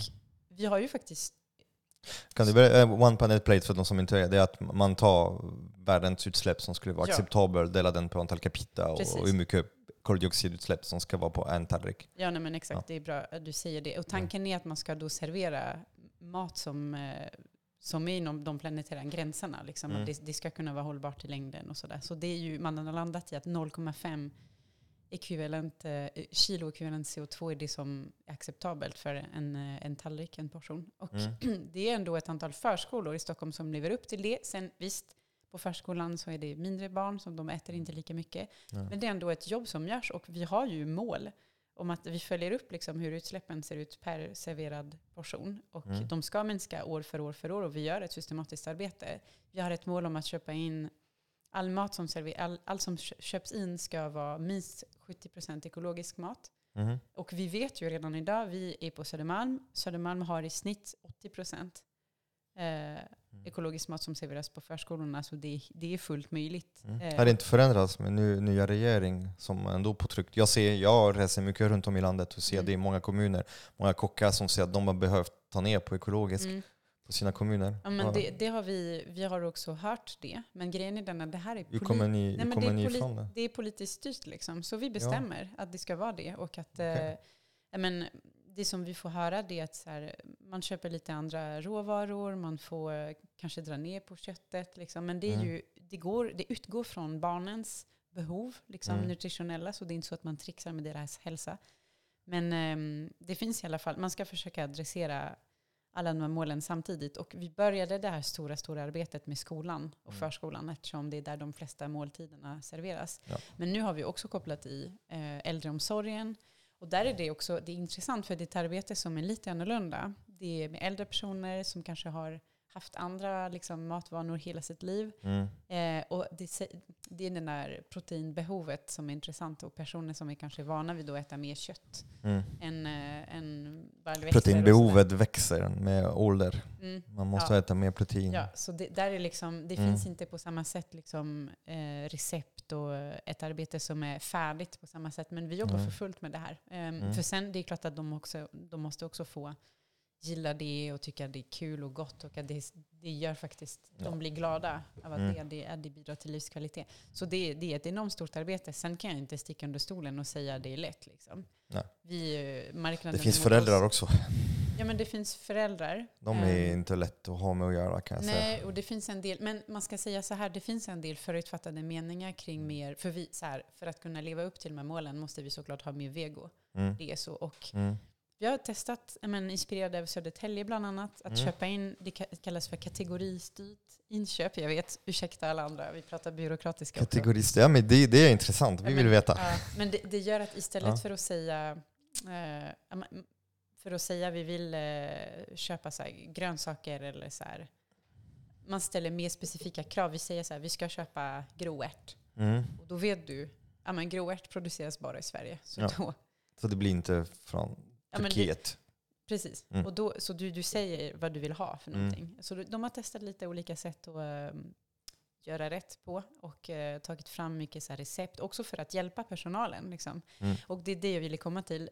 Den, ekologisk, den eh, vegetariska maten har ibland dåligt så här, rykte. Man säger att barnen inte blir Mm. mätta och att eh, det är inte gott och sådär. Och vi vet ju att det inte behöver vara så, Mm. såklart. Men det krävs också att man är utbildad. Och att om man själv aldrig har lagat liksom, vegetariskt på ett med bra råvaror Mm. som faktiskt är, kan resultera i något supergott och inspirerat och hälsosamt så är det klart att det är svårt att göra det på egen hand. Så vi håller också på att utbilda personalen så att Mm. kockarna tycker att det här är kul. Så att det blir liksom positivt. Just det där med kvalitet. Ja. Det är klart att målet är också att barnen ska tycka att det är gott. Och det måste man öka kompetens i Ja, köket. Verkligen. Alltså när man ökar kompetens i köket, då blir ju med, med matlagning och det blir ju såklart bättre Mm. anpassning. Ja. För du märker att det finns ingen så här, en universell lösning som funkar överallt. Alltså det måste också vara lite platsbaserat. Det Ja. finns sjukt fina producenter i vissa städer Mm. och, och de har så himla svårt att hitta till, Mm. till skolmaten. Exakt. Nej men precis så. Och att eh, så väldigt mycket, ja, men man satsar på personalen helt enkelt. Mm. Där de ska få utbilda sig. Och det mm, både liksom kring matlagningen men också eh, matsvinnet som behöver minska. Både Mm. liksom i tillagning men också Mm. eh, när man serverar och sen i tallriken. Så det, mm, Ett bra sätt att minska matsvinnet är att förlänga lunchtiden. Okej, att Mm. barn inte blir stressade. Det är någonting som jag kom på för några månader sedan. Att man insåg att vissa skolor, barnen har 25 minuter att äta. Åh, jäklar. Och det blir vet. mycket, mycket mer matsvinn. Om man har en timme på sig, då kan man också ta mindre mat, Mm. hämta tillbaka. Att det blir mindre stressat, det gör att det blir mindre, mindre matsvinn. Men är det så, alltså 25 minuter, det låter Det är fruktansvärt. jättemånga. Alltså, jag har tre killar som har gått skolan eh, här, båda svensk och franskt system. Och, eh, ja, alltså, min Hugo han har haft såna, ja, men 20, 25 minuter mellan två lektioner. Och det är från dörr till dörr. Alltså, det är inte Ja. ens 20, min- 25 minuter sittande att äta. Det är inklusiv kö, bricka, plocka, fixa, plocka, åka stress. tillbaka. Och det är något som tycker jag borde ju säkras, att man säkrar åtminstone en timme, en Mm. timme lunch så att eh, barnen hinner ju ha den sociala delen Mm. också av en Mm. måltid. Och prata med kockar och att det blir lite mer slapp, mindre stressigt. För det är också kockarna skulle behöva stressa mycket mindre. Ja men visst, det är Eh, fruktansvärt. Det är så många barn som eh, de skiter i, i lunchen istället och, och, och går på en uh, kiosk och köper en, en, en Red Bull och en Mm. kexchoklad. Ja, och att precis nu pratar vi liksom, men, denna strategin som Stockholms stad har, det är för stadens egna skolor. Mm. Sen finns det massa privata skolor som Ja. inte ens har en Nej. kock liksom, eller tillagningskök. Utan Mm. det Hur kom det sig att det blev så här? Alltså, jag, har, jag har sett det är så många restaurangkort. Mm, Alla, precis. alla Ja. skolor har restaurangkort. Alltså jag ser, det finns ingen, ingen matsal. Alltså barn får, och det kostar så... Alltså jag tror att skolan, nu jag har, jag har en, min minsta som är, som är på, eh, på gymnasiet. Mm, Han, eh, jag tror det kostar 80 kronor per måltid. mm, Så det, skolan betalar äldre 80 kronor för att han ska kunna gå till vilket jävla mm. hack som helst. Och det är kebab, det är Mm, pizza, visst, det är hamburgare i kedjor och så. För att få en, en lunch med ett kort. Och det, det styr inte Stockholms stad längre. Nej. Det Nej. styr inte det. Och då plötsligt barn äter jätte, väldigt ohälsosam mat, mycket Mm. alfabrikat. Och, och, och, jag, och vi som föräldrar är jätte, jättesvårt att Mm. styra för de ställena. Alltså det är sådana här lunchställen som är... Mm. Och jag tänker på med 80 kronor, vilken jävla bra mat man skulle kunna Men servera. absolut. Nej, men det, det som är problemet där är ersättningssystemet. Alltså så som eh, skolsystemet funkar. Mm, Att idag, det finns inga krav när du öppnar en skola mm, att du ska ha ett bibliotek. Det är inget krav. nej. Det är inget krav att du ska ha ett, iPad är krav. Ja, men, ja, tydligen inte längre om regeringen får igenom sin vilja. Så där, Okej. där har de faktiskt gjort det något bra. Okej, tycka. halleluja. Ja, en grej. En kross i taket. Ja, nej, men det, jag tycker att det är skandal faktiskt. Att man, ehm, nej, men, och det är klart att man gör det för att optimera vinsten. Alltså, det, är Mm. inte, det är inte mer än så. Man behöver inte betala för personal, Mm. man behöver inte betala för... Infrastruktur. Men Kök. Exakt, du behöver inte ha ett kök, du behöver inte ha folk. Det, det är mycket, de köper sig fria helt enkelt. Det är Mm. Och Det varför, det varför fruktansvärt. hade det inte funnits politisk vilja mot, mot det? Varför har vi gått det hållet? Är det inte Shit, alltså- ett under? Skolhaveriet. Eh, nej, Ja. men det, Finns inte så vissa, jag tänker så här tåg och el och mm. värme, alltså det borde inte vara just statligt all det här. Ja, men det, just kring skolan måste jag säga, det är en, eh, jag tycker också att det är helt sjukt. Och så här, det är inte bara jag, utan det svenska systemet är, har fått väldigt mycket kritik Mm. från andra länder. Vi ser också att resultaten, skolresultaten inte är bra och att Mm. det finns väldigt mycket så problem. För mig är just det där med maten eh, väldigt påtaglig. Jag, för- jag kör en instickare, för det, det, blev också, det är samma sak för förskolorna Mm. ska jag säga. Och jag har ett barn som är, vi har ett barn som är två år. Så när vi fick eh, välja förskola så var det för oss här, helt solklart att vi ska kolla att förskolan ska ha en egen kock. Att maten ska vara ekologisk, för vi, Mm. vi anstränger oss hemma för att servera något bra. Det Mm. är klart att hon ska få samma sak. De är så små. Det är bebisar också. Det är klart Mm. de, Ja, de vet inte vad, de bara tar det som serveras. Nej men exakt, och det är det, de är ju fångna där. De, Mm. de tar det de får.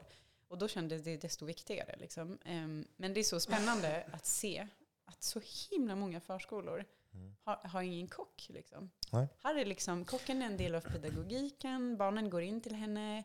Mm. De, men, de, de har kunnat, när de jobbar med färg exempelvis, men de har kunnat kolla på vilka grönsaker, vilka frukter har vilka färger. Jag vet Mm. inte. Jobba kring Mm. smaken, hur de har odlingslådor. Du Mm. vet. De försöker verkligen jobba konsekvent. Och det, det finns i alla fall väldigt många barn som på förskolan, man tar bästa förskolan, typ som ligger i BRFN, och man kollar inte, ganska jag blev chockad måste jag säga, Mm. över hur Man många hoppar bock över det. Man skulle ge sin njure, sitt blod, sin, sitt liv till sitt barn och, och inte ta Ja. det här steget. Men, Men det också- ett- jag, jag antar att det är en okunskapsfråga. Man inte jag- vet om man blundar för det är också bekvämt. Men jag tror också det, för när man kollar ändå, det finns sjukt många förskolor och eh, oftast finns det ändå något bra alternativ Mm. i närheten. Mm. Eh, sen det är inte alltid så man får sitt önskemål och sådär, men jag vet inte.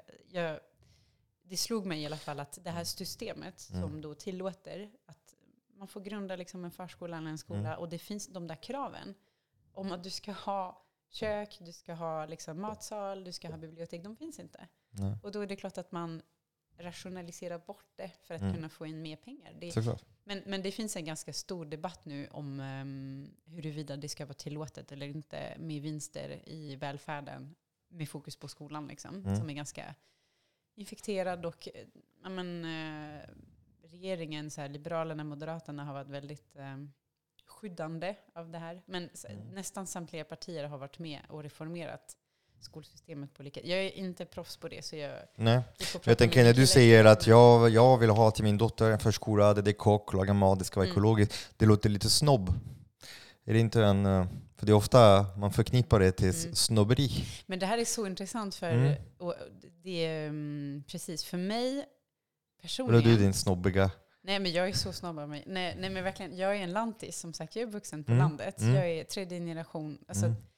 Mina far och morföräldrar. var- Privilegierat var de- snobb. Eh, de, jag kommer från ganska enkla förhållanden. Mor och farföräldrarna Mm. eh, var de första som bröt den här traditionen av att vara självförsörjande familjer som levde på högre höjder. Mm. Som hade små, små, små gårdar.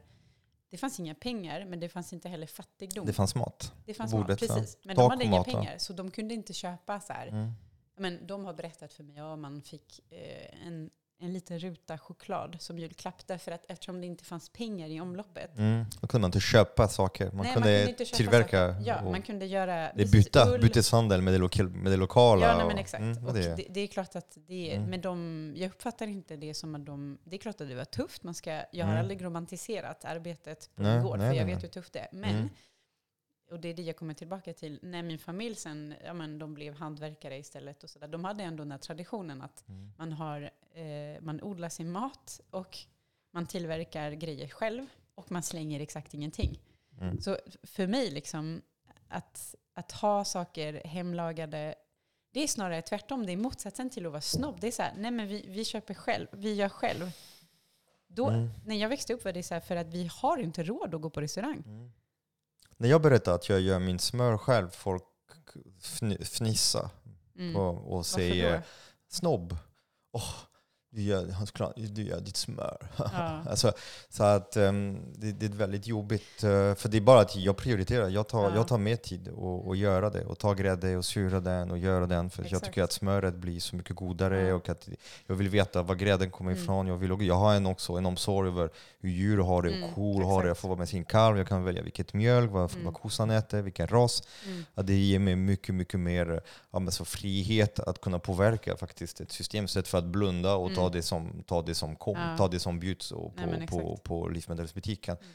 Eh, men det där med snobberi, och jag tror det är en av de, en av de anledningarna varför det, det, det går så långsamt också. Mm. För att jag tror inte att all, det är så svårt att se förbi den för det finns tillbaka till det vi sa i början, den här att man har haft fattigdom här, att man, man ska ändå ta det som bjuds. Det är ganska oartigt att inte ta emot när man, är, Mm. bjud, när man är bjuden till någonting. Mm. Och jag, jag ser det ofta när jag är bjuden någonstans, så jag, jag, jag tar bara det, jag, det som uppfyller mina värderingar. Mm. För Mm. på något sätt, jag stoppar in den i, i min mun, jag sväljer, det går in i min kropp och för mig det är väldigt viktigt. Så det är värderingsbaserat. och jag kämpar med det här snobberi-betraktandet. Ja, men vet, det är intressant att du lyfter det, för jag mötte det...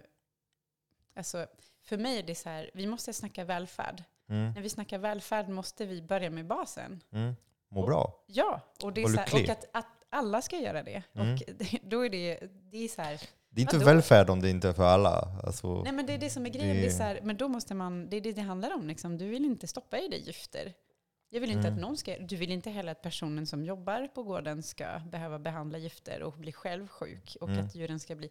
Så det, men, men vi har verkligen så att säga, gjort miljöfrågorna till eh, svävande, osynliga grejer. mm. Som gör att det är lätt att avfärda dem. Mm. Och- inte en, ja. Nej, men, en grej som jag också har tänkt på, det är att, ehm, och eh, det vore intressant att, att höra vad du tycker. Rent historiskt, um, ja, men, säg att Sverige blev ett riksland på riktigt på 90-talet efter Mm. att man har, liksom, ja, men det var 90-talskris, man har hyvlat bort massa saker, gjort stora reformer och sen gick det bra. Typ. Sorry Mm. alla historiker där ute. Mm. Eh, men i stora Ja. drag.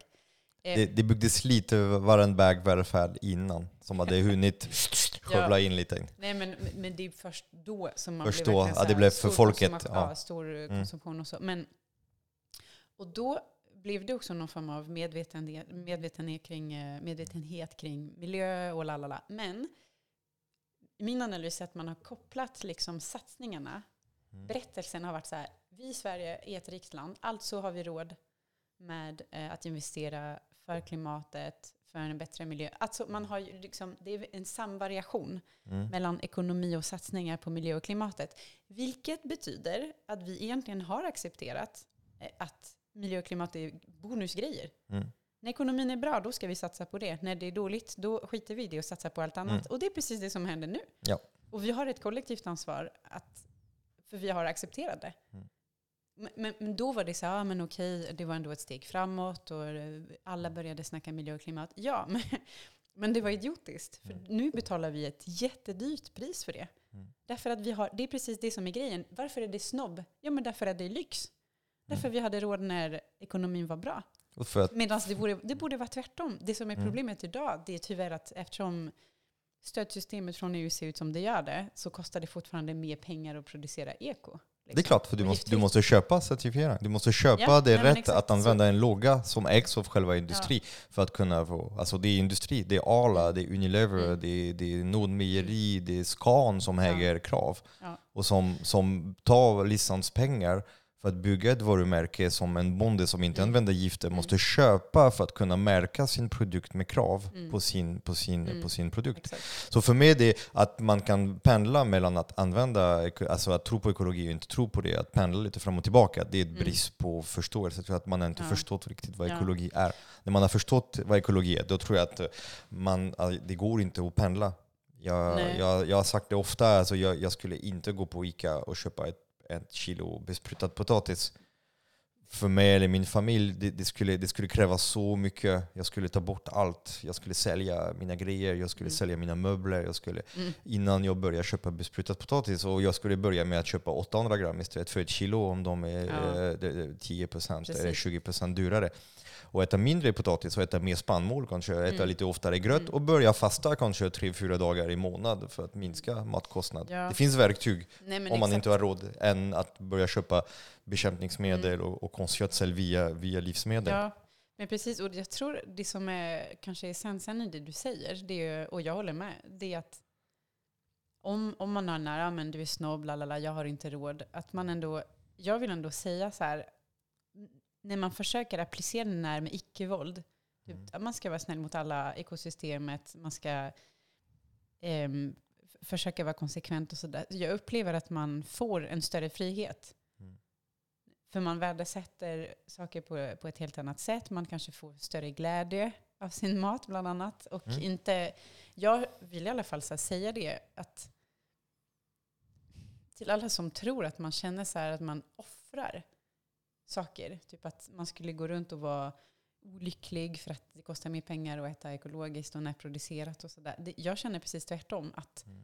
när jag gjorde den här resan för massa år sedan så upplevde jag också en större frihet. Mm. Typ att eh, någonting där inne gick, det bara släppte. Det är så lätt att välja när man Ja men det är lätt att välja. vet Och att, man inte vill ha. ja, och helt andra saker blev också mer, jag upplever en större livskvalitet för att jag känner inte att jag behöver shoppa. Alltså det är ju, du vet, Mm.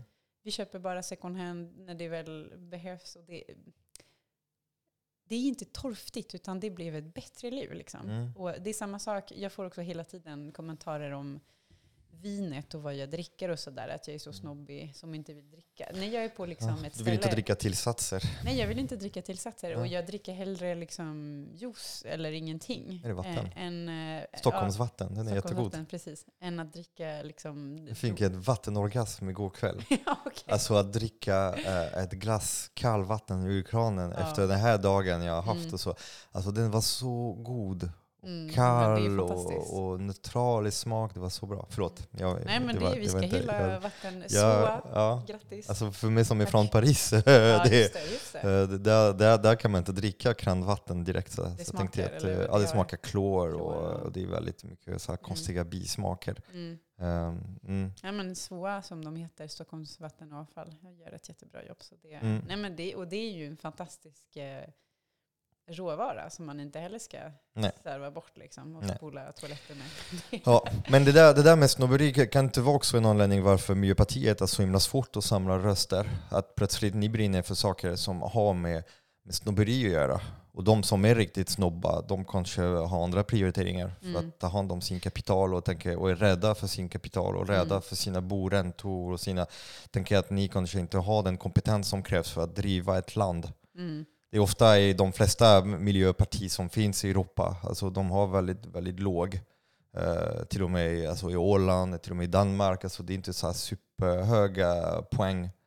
Eh, och det är inte så många som till slutet går till valberedning och valbyrå och, och sätter sin röst för Mm. en, en parti som brinner för, för bra mat, miljö, Parismålet, eh, värld, lika värda bland människor. Mm. Som, samtidigt som det sitter så himla förankrat. Alla egentligen, all, de flesta jag känner är ju goda, fina, fina människor. Eh, Men jag, tror det, jag förstår hur du tänker. Och apropå Mm. liksom, i Tyskland tänker jag att man har ett ganska bra kontraexempel. mm, Att eh, Die Grüne, sorry jag pratar faktiskt inte Nej. tyska, det var ett försök. Men eh, de Mm. gröna i Tyskland Mm. har faktiskt varit eh, regeringsdugliga väldigt länge och sitter i regering nu. Liksom. Mm. Och, och de har ju haft en strategi. Vad har de, vad har de för, för En- procent? Alltså, nej, det var en bra fråga. Jag får skylla på eh, graviditetshormoner. Jag minns, men de sitter i, och styr och de har gjort Mm. det på län, län, ländernivå Mhm. ganska länge. Och där har de haft en strategi av att försöka närma sig industri. Mm. För, alltså, Tyskland är det land som det är och de har tänkt att Mm. vi har inte råd att ha liksom, industrin mot oss utan vi måste Mm. och de gjorde mycket tidigare än vad vi gjorde någonting som liknar industriklivet. Typ Mm. så här kol utan stål. Eh, nej, eller Står utan stål utan kol, förlåt. Mm. Ehm, så de har ju haft en strategi vilket gör att de har lyckats ehm, kanske också bli trovärdiga. Mm. Och så där. Sen är det politiska landskapet Samtidigt är också annorlunda. de har skapat ett förutsättning där de har tagit väldigt dåliga miljöbeslut kring Jo, energi som har också gjort att de gröna partierna kanske fått blomma Ja, ut lite, nej, lite visst. enklare. Och, och att eh, det politiska landskapet är väldigt annorlunda i Mm. Tyskland. Det är mindre trångt till vänster. Liksom. Det är inte så här V, S och MP som i Sverige, utan det, det var Mm. lite mer ledigt. Men det är i alla fall ett bra kontraexempel. Det man ser också, tycker jag, det är okej, i Frankrike, liksom, det var under corona, men kommunalvalet var Mm. ändå ganska intressant. Det var sjukt många Mm. det har, för de som inte har följt liksom, eh, kommunalvalet i Frankrike, märkligt. Varför skulle man inte gjort det? Mm. Eh, Men det var under corona och ehm, det var någon form av kritik ändå. Det var många städer som blev gröna, så med ett helt styre som var grönt eller grön, ehm, de gröna plus något, något annat parti. Och man sa typ att det var inte helt representativt därför att det var corona, det var många äldre som kanske röstar vanligtvis mer konservativt som inte gick iväg och röstade. Det kanske är så. Mm. Nevertheless så har man de facto ganska många kommuner som har blivit gröna och Mm. där det finns liksom ja, men större grejer också. Lyon och Grenoble och där jag Mm, kommer ifrån mm, är det ganska mm. många. Annecy Mm. som har varit blå hela, hela tiden och väldigt så här royalist och sådär. Nu är det grönt styre och där, där det görs ändå... Det är bra för de har ingen snö snart. Nej precis, Åka och det är, bättre sent än aldrig. Nej men jag upplever att man jobbar upp den här Mm. förtroendet och att man visst kan styra och sådär. Men det, Mm. för att komma tillbaka till MP här i Sverige så um, vi har också gjort på partinivå den analysen att vi är inte jättebra på att prata om vår politik på ett sätt som är Mm. begripligt. För jag tror att man har också, vi är ett parti som har sjukt många akademiker bland våra medlemmar. Mm. Eh, Jag tror, vi gjorde faktiskt, min kommitté då, Jämställdhets och mångfaldskommitté, producerar efter varje år Mm. efter varje val, förlåt, en rapport som tittar på um, vilka det är som representerar oss. Liksom, hur ser mångfalden ut? Hur ser jämställdheten ut? Mm. Ålder, lalala. På alla tre nivåerna, kommun, region och riks. Eh, och där ser vi väldigt tydligt så att vi har, bland våra medlemmar tror jag det, eller förtroendevalda, är det 82 procent som har akademisk bakgrund, så tre Mm. år eller mer. Mm. Medan i Sverige är det 25 procent tror jag. Så det är verkligen Mm. stor re- representation och att vi inte har, kanske för att man har tänkt vår, de personer som röstar på oss. Är akademiker smartare alltså? Nej men att du vet, jag vet inte om du kan uppleva samma sak ibland, Mm. men om du vill att folk som, också, som själva kan ett ämne ganska bra ska Mm. uppleva dig som trovärdig, Mm.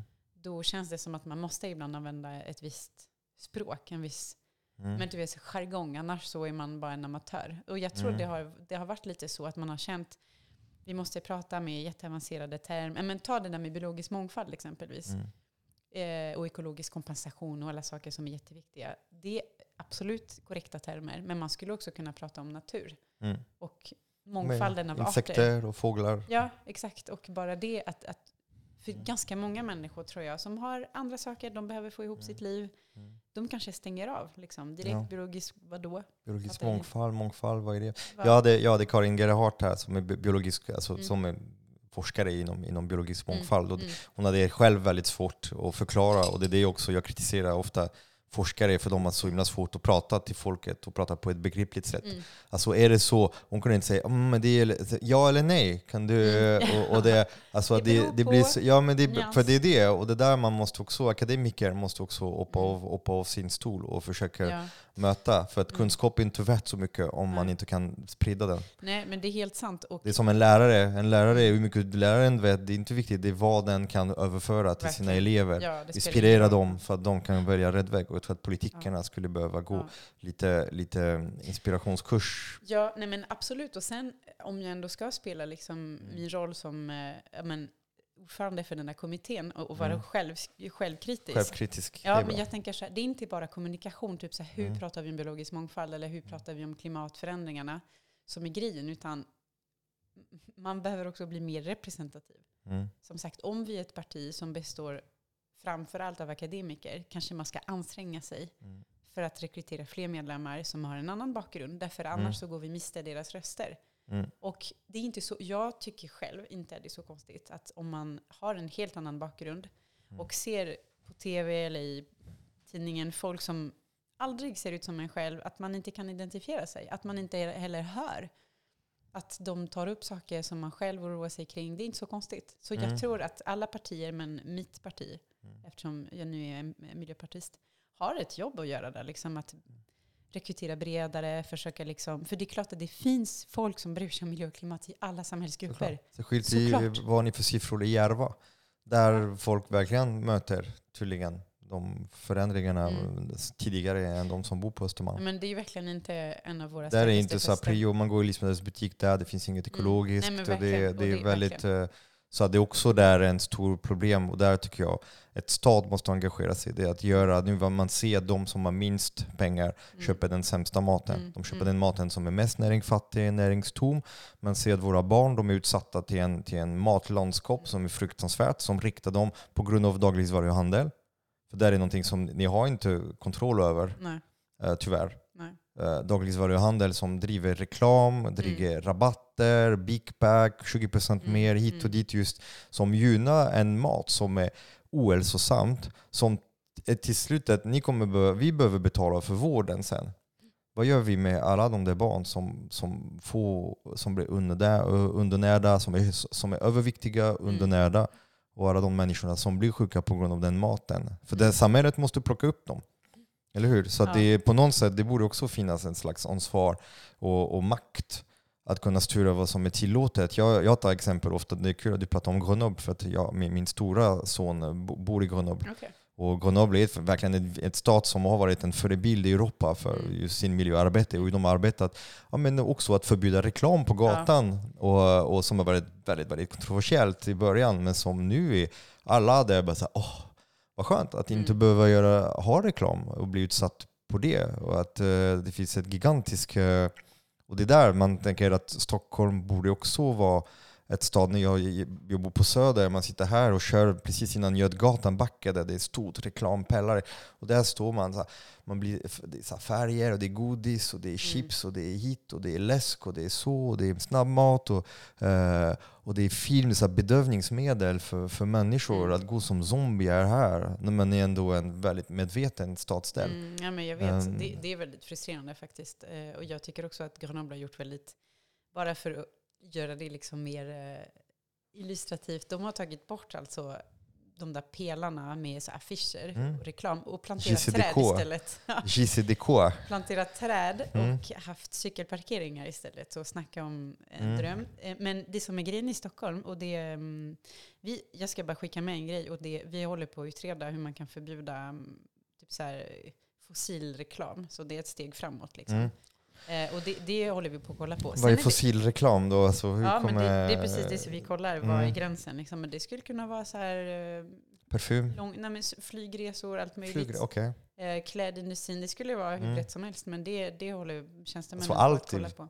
Allt är fossil. Det är väldigt mycket som är... Hitta någonting som inte är är fossil. dåligt. eh, alltså, ja, en ekologisk morot. Men de som vill sälja sin ekologisk morot, de har inte råd att, att, att göra reklam. Nej, nej, precis. För det är också lite det, hur, eh, hur, ska, hur ska vi göra när vi, vi finansierar samhället med, med moms, Mm. med skatter eh, och nu vi eftersträvar efter en värld och ett samhälle där vi kommer konsumera mindre, köpa mer second hand, Mm. alltså med, med, med återbruk och begagnat där det Mm. finns ingen moms. Mm. Och vi kommer ju vilja kanske jobba lite mindre för att kunna ha mer kvalitetstid och Mm. umgås med våra barn och så. Vilket kommer betyda att mindre lön, mindre arbetsgivaravgift. Hur, hur kommer vi finansiera den här, den här förändring som behöver göras? Mm. Men det, det är intressant för det är precis det som är kärnan i problemet. Liksom att Mm. ganska mycket av hur välfärden finansieras. Bara för att exemplifiera, i Stockholm exempelvis, ehm, det är ju försäljningen av marken som har gjort, för att bygga, liksom, som har gjort att man har haft råd med den enorma välfärdsnivån utan att ha höga skatter i Stockholm. Okej. Det, om man jämför, det finns en sån där index där man kan jämföra, vad, men exempelvis om du är föräldraledig och, ha- och har ett barn som går på förskolan så har du rätt till 30 timmar. Mm. I de flesta, flesta kommuner i Sverige så är det 15 timmar. Och det finns otaliga exempel. Vi har med liksom bibliotek, eh, Mm. Kulturskola, allt möjligt. Jättemycket välfärd som vi ska ha, tycker jag. Museum och... Men ja, exakt. Men ganska låg skatt förhållandevis. Liksom. Och det har vi kunnat finansiera genom att sälja mark. Där man har byggt bostad, eh, bostäder. Så det, och det är klart att vi i viss mån behöver bygga bostäder. Men det, jag vill bara säga att Mm. om vi ska göra det på ett annat sätt och skydda mark istället för att exploatera den, då måste vi hämta hem 3 miljarder per Mm. år. Tre miljarder. Så det är verkligen relevant det du säger. Så hur ska vi göra det? Och det finns massa olika verktyg. Liksom. Och det är inte bara kommunerna som kan, som kan laborera med dem, men det finns eh, delvis det där med att jobba mindre exempelvis. Det är ganska också bevisat att om man går ner liksom till fyra dagar istället, Mm. att eh, det finns också mindre behov. Man kan också eh, göra fler saker på egen hand och att det leder ofta till mindre konsumtion, mindre stress etc. Mhm. Eh, det gör också ofta att fler kan få sysselsättning. Mm. För man frigör liksom lite Man blir mindre arbets- sjuk kanske också. Man blir, precis, man blir mindre sjuk. Och att, så det finns eh, olika idéer också om medborgarlön som grund, Mm. liksom, grundläggande trygghet. Ehm, sen är det så här, hela det systemet som vi har är inflationist. Liksom all, alla priser går upp så vi måste också få mer pengar, mer lön, Mm. lalalala. Och det är lite det som det handlar om, att försöka dämpa när inflation som är som en inflammation. Liksom det är ett Mm. system som, som inte mår bra. Eh, jag har Det inga är bra. Vi har en titel på podden. Ja, Ja, inflation. antiinflammatoriskt eh, Anti, samhälle. antiinflammatoriskt samhället. Vill du ha kräm eller vill du ha en, en, eh, en ört-te? Örtte, ja, Ja. Men exakt. Nej, men det, det är ju egentligen är det nästan det enda, den enda relevanta frågan. För att Mm. vi, vi måste ändra på finansieringssystemen för att kunna Mm. ha den här rättvisa omställningen. Om vi inte gör Fler behöver få liksom hållbara jobb, Mm. gröna jobb och inte grejer som där de Mm. sliter både hälsan och på planetens resurser. Och det, det finns ju olika förslag. Sen är det klart att där vi är nu idag så um, ser det inte riktigt ut så här. Nej, alltså tillväxt är ju nyckel. Ja, oh, alltså slutar vi växa så, så kollapsa. Ja, men inte, det. inte ha det som självändamål, liksom, Nej. verkligen. För det är Mm. helt. Mm. Det, är, det är inte hållbart. Mm. Ehm, Hur, hur jobbar ni kring eh, Elsa? För jag tänker att eh, vi lägger väldigt mycket pengar på, Mm. på sjukvård mm, och väldigt lite pengar på friskvård. Ja. Och, mm, och det jag brukar alltid tänka så att om det var, om det var ett företag, det skulle bli väldigt konstigt. Ja. Airbus som lägger 97% av sina pengar på fallskärmar och 3% på att göra flygplan som inte kraschar. okej. Alltså att man lägger, man lägger pengarna för att laga trasiga människor som är sjuka och Mm. lindra symptom och behandla symptomer och att man lägger bara 3% på, på, på friskvård. Alltså Mm, livsstilsrelaterade beteende som gör att man, man slipper bli sjuk mm. och, och eh, som förbättrar livsstil och så. Alltså är det inte någonting som, som just alltså, Stockholms stad borde ju eh, satsa lite mer? Hur, Jo, eh, det- finns det gör- någonting som är? Det gör man som arbetsgivare. Jag vet Ja. inte om det är det som du tänker på. För Ja, men som arbetsgivare, absolut. Det är så här, du menar kort, träningskortet? Ja, men Så- också du vet, flexibilitet. Att man, Mm. eh, man har ju rätt till heltid med möjlighet att gå ner i tid om man vill. Mm, Eh, mm. Flexibilitet för att jobba hemifrån när det funkar Mm. och sånt här. Eh, Ja, med kost och stress och det är väldigt, Mm. eh, för det är också någonting som kostar samhället sjukt mycket. ja, Och som räknar kostar Ja. mer och mer och mer. Alltså Mm. bara, jag, jag, jag såg lite siffror sist om just eh, fetma i Sverige som Mm. skulle kosta 70 miljarder varje Mm. år.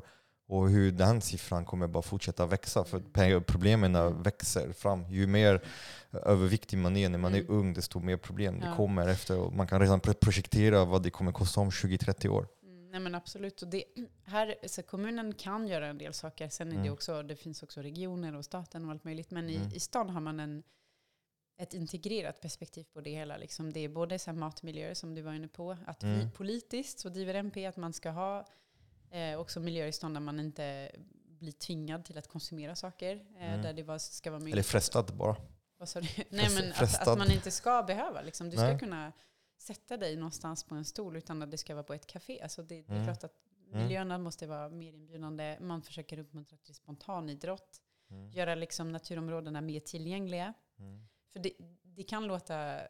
Vi lever i ett land där friluftslivet är väldigt viktigt. Det finns Mm. en tradition, men det är inte alla barn som har det, eller vuxna för den delen, som har det med sig hemifrån. Utan det är många som också... Och det ser vi, om, alltså vi fortsätter med Järva, men ett exempel med... mm, Under corona så kollade vi på hur våra olika naturreservaten användes. Hur Mm. många besök och sådär.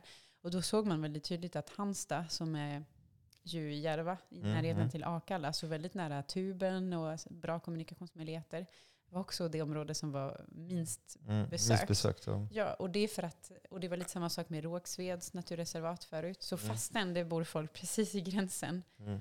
så eh, känner man sig inte trygg med det. Man har inte koll, så här, vad är Mm. naturen? Jag minns när vi var där en gång med jobbet så frågade, vi var med en, en skolklass. Och det var ett barn som frågade om skogen hade öppet efter skolan. Mm. Det är både väldigt gulligt men också sorgligt. Mm. Att man tänker det är som en verksamhet. Liksom. Ja. Det stänger. Ja, det är som Så- en park. det är en ganska stor del, liksom, just att uppmuntra till rörelse, att, att vistas i naturen, för man vet att det finns väldigt många hälsofördelar. Man jobbar globalt liksom, för att men, eh, rena luften, som sagt, Mm. minska trafiken för att inte ha massa utsläpp. Så det är ändå minska bullret på samma sätt, för vi Mm. vet också att det är det som de flesta blir utsatta för i en stad. Mm. Det är ju superstressande. Ehm, vad är det jag tänker mer på? Så det, det här är liksom de stora, den stora basen i välfärden. Liksom. Du ska kunna andas utan att bli förgiftad. Mm. Du, du ska kunna bo någonstans utan att bli utsatt för konstant buller på grund av trafiken. Det är trafiken som är det största, det största Mm. problemet, inte livekonserter. Nej. Det, är Nej. punkt, det är inte samma Det lagstiftning är det som är heller. hela tiden, hela tiden så. Men Ja. hur, lång, hur, hur långt är vi i en stad med, med mindre bilar och mer... eh, Det, alltså, går, det går verkligen framåt. Ja. Det, det är faktiskt kul. Det finns en grej som heter Miljöbarometern, om man Mm. googlar så Stockholms miljöbarometer, där man kan se hur det har gått för just buller, Mm. luftkvalitet över tiden. Och vi Mm. har kartor som jämför hur det var på 60-talet, hur, Mm. det, hur det är nu. Och bullret, det har verkligen gått mycket bättre för att trafiken minskar. Mm. Också för att bilarna har är blivit, tystare. Ja. e- ekolo- ja, har blivit eh, elektriska. Mm. Så de bullrar faktiskt mindre. Nu, det som återstår det är verkligen det som är Dubb. mekaniskt, då, friktionen, Mm. däcken mot, mot asfalten. Det är Mm. svårt att få bort den, det, den biten. Mm. Men det går, verkligen, det går verkligen framåt och att vi har, liksom, St- Stockholms stad vill att eh, de resor som kan undvikas med privata bilar ska undvikas. Mm. Liksom att det är klart att om du är hantverkare, det är ditt jobb att åka till olika kunder. Det är klart att du ska kunna bila runt, men Mm. om du inte behöver det och om du kan ta kollektivtrafiken så ska du göra det, eller cykla eller gå. Ja. Och det Ja, det- minskar såklart bullret och såklart. luftföroreningar för alla. Har du sett Sa- Sally-kontorets eh, projekt med Nej? Så AY Doberman, de har en sån där lite kontor på sidan som de jobbar med hållbarhetsfrågor inom Mm. sin stora koncern där. Okej. En liten hub. Och de gjorde en sån där framtidens stad där eh, de, man kunde titta in i framtiden. Mm. Och de tog Sveavägen, Åsöväg, Å- Å- Åsögatan Mm. Och Ringvägen tror jag, någon annan gata. Mm. Och de tog dem och tog bort vägg och försökte tänka, tänk en stad om man inte byggde, för stad Mm. är byggt efter Bilar. bilarna. Det är bilarna som har format ut staden. Alla artärer som tar sig runt höger och vänster, de är gjorda för bilar och Mm, parkeringen mm, och absolut. trottoarer och så. Och om- man tar Sveavägen och tar bort bilar från det, då är det en gigantisk skog. Jag kommer inte ihåg hur många, hur många hektar, det var 60 hektar, Mm, åt- mm. 160 hektar, jag kommer inte ihåg, det var så sjukt att Mm. man skulle kunna ha svalkande natur, djur, liv och sen bygga en annan typ av transporter Mm. från A till B. Mm. Och, eh, och det skulle också ta bort behov av stadskärna, att man skulle få mer små stadskärnor när man är tio minuter ifrån Mm. allting. Så att slippa det här ringkonceptet med också Just pris Mm. och så att det Mm. skulle bli en uh, Och det, det jobbar ju faktiskt drömma med. stort. Ja, det är precis. Det är svårt att, att komma på alla grejer samtidigt. Men just det här, vi jobbar med konceptet 15 minuters stad. Mhm. Det betyder att så här, oavsett... De gjorde 10 minuters stad. Vad sa du? Det är 15 minuters stad. Ja. Det är lite... Ja, jag vet. Jag tror det är Men det är, att, att det är i alla fall att det är, att det är nära, inom att man är nära allting. ja, en man är radie inte, utav ja. 15 minuter Slippa per... ta en timme för att ta sig Ja. från A till B på rusningstrafik. Ja, nej, men exakt. Och konceptet är väl att du ja, inom 15 minuter då med gång eller cykeltransport ska kunna få tillgång till all basservice du behöver. Så Mm. mataffär, eh, någon form av ja, skola för barn. Skolor, sjukhus. Ja, hälsoservice också. Så det är Mm. ju det, är det som är tanken. Och det jobbar vi stenhårt med. Och sen parkeringsfrågan är jätteintressant för det mm, staden håller på att ta fram sin eh, parkeringsstrategi. Som bland annat kollar på det här att det är Mhm. alldeles för många parkeringsplatser egentligen per Mm. bil. Och det är ett problem för det gör att det är statiska. Och att det är också intressant, det är kanske inte så mycket som vet, eh, som, så många som vet det, men vi betalar alla, fast vi inte har någon bil, för vägarna och parkeringsplatserna genom våra skatter. Så Mm. det är ju väldigt orättvist också Mm. eh, att det ser ut på det sättet. Mm. Jag kommer ihåg när, när trängselskatten kom in ur det var skandal. Och Mm. Jag hade kompisar som köpte de där jävla plåtar för att dölja sin matrikulnummer Jaha, som oj. protest. Jag blev så arg på dem för jag tänkte det, det, det finns ingen med rättvis skatt än just den. Nej. Alltså du kör, du betalar, det är inte Det är så det konstigt. det är det, det är, det, är så, det är så kristallklart. Exakt, Att och man det är kan, lite- eh, Det är lite det som händer nu, liksom, Mm. egentligen utifrån rättviseperspektivet också, att vi kollektivt Mm. betalar för vägar, parkeringsplatser. Har man tänkt nu, men det är inte hållbart. Därför att det är också Nej. ett problem för stan. Det är ju jättestora ytor mm, som är av asfalt. Det är inte bra för någon. Det blir värmeöar. Det blir inte bra för, överhuvudtaget. Då har man ändrat också synen på um, parkeringsavgifter. mm, Så det har blivit dyrare. Det blir Mm. dyrare eh, att, att ha en bil. Man ser också på eh, P-tal, parkeringstalet, när man bygger nytt. Liksom Mm. Förut så var det så här, per lägenhet så var det väl en eller två bil, alltså parkeringsplatser. Nu har man sett över det här såklart, därför Mm. att det är inte alls lika många som vill ha det. Och att man ser att det är något annat som efterfrågas. Typ så här cyklar, mm, eh, plats för att ladda sin bil eventuellt, att ha en pool, bilpool Mm. istället. Så det, det är ju verkligen i full gång och att ambitionen är verkligen att reformera stan i grunden så att det blir trevligare för alla. Att det blir, alltså poängen är att det ska vara trevligt att bo här. mm. Inte nödvändigtvis att ha massa bilar som cirkulerar liksom omkring. Det är klart att folk ska kunna resa och transportera sig, men Mm. eh, det ska ske på ett annat sätt. Mm. Mm, så det, det händer en- enormt Det är, ett mycket. stort, det är ett stort stad i många, många delar. Ja, det är många delar. Eh, Jag är inte proffs på alla, men Mm. det, Mm. det finns verkligen eh, väldigt mycket som är på gång. Så Mm. det, det kommer höras. Börjar du bli sugen på en, på en macka? Nu vi Ja, har haft det här, det här brödet. Det här är en Jacobi borstvette. Det är ett gammal mm. vettesort som eh, har uh, så här det? långa, långa borstar. Jaha, Eh, den är, den är eh, odlad i Småland. Småland, jaha. Ja, Kul. Min, eh, inte din, eh, din man eh, eh, har sitt Han är från Växjö. Ja, är från Växjö. Men där är lite mer mot kusten utanför Kalmar. Okej. Så, Ja, det är precis stor rivalitet mellan Kalmar ja, och just Växjö. ja. Men det, jag tycker om att, båda. Eh, det här är ett, eh, det här är ett fullkornsbröd. Jag vet inte om, om eh, ni- ser, ja, du får en, eh, du får en brödface nu. Eh, så att man ser det där. Så förlåt. Så ni ser jättefin inkrom. Det här är ett Det är fullkornsbröd. Men det är hela. Ja, men jag, jag bakar det speciellt för det. Alltså på den är det ett Tack. brutabröd. Så att, eh, mycket. eh, och smöret är pasteuriserat.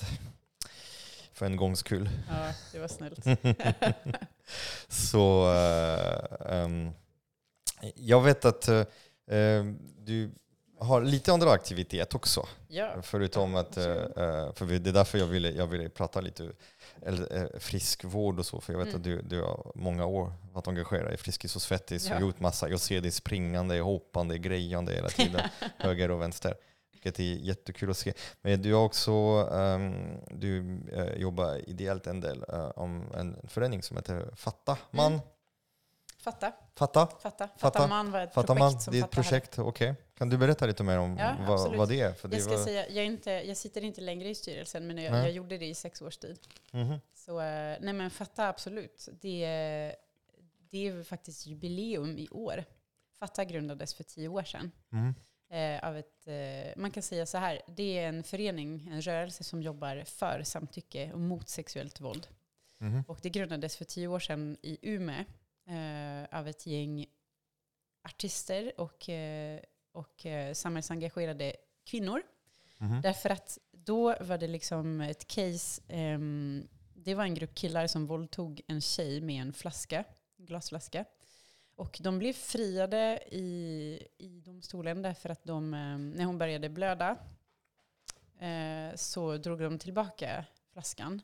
Och det tolkades då av eh, domstolen som att de visade ändå, nu hårdrar jag, men de var snälla trots allt. De kunde inte mena illa eftersom de såg att eh, ja, men, eh, hon blödde och då drog de tillbaka flaskan och därför blev de friade. Så de blev inte fällda för våldtäkt, vilket är helt sjukt. För det var Mm. uppenbart att det var noll samtycke i detta. Och Mm. då, det blev så här droppen. Vilket för, år var det? Det var det? För tio år sedan, Det är 2013. tio år sedan? Okej. 2013. Eh, och då blev det droppen liksom för när gänget, eh, Fantastic och Ida Östensson, som tyckte att så här, det här är helt eh, uppåt väggarna, det kan inte vara så. Mm. Och grejen är den att fram tills dess så um, var lagen utformad på ett sätt eh, Ja, man behövde säga nej, tydligt nej. Ja, man eller behövde, hur? signif- precis, man behövde liksom... Mm. Det, det var liksom utgångspunkten egentligen Mm. var att din kropp kan vem som helst ta på tills Mm. du säger nej.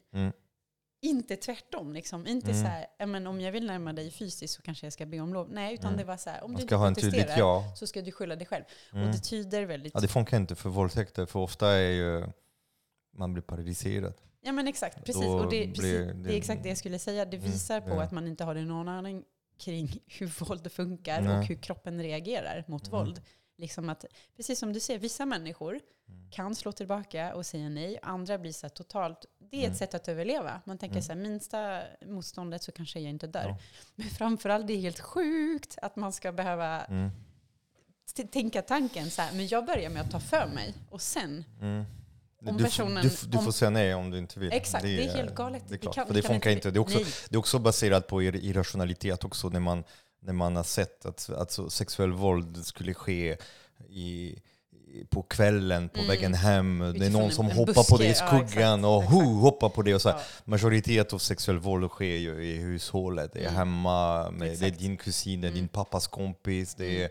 och det är alltid nästan män mot kvinnor Ja, i stort sett. nej, och, och, och då är det konstigt att lagstiftning inte är anpassad Mm. till, Nej, till den forskningen som finns. Och det, det är viktigt att ha med sig verkligen att så Mm. här, eh, 99% av de som utsätter är män och de allra, allra flesta fall så är det en man som man känner. Antingen ex-pojkvän eller någon i familjen, precis som du säger. Mm. Eller bekanta och sådär.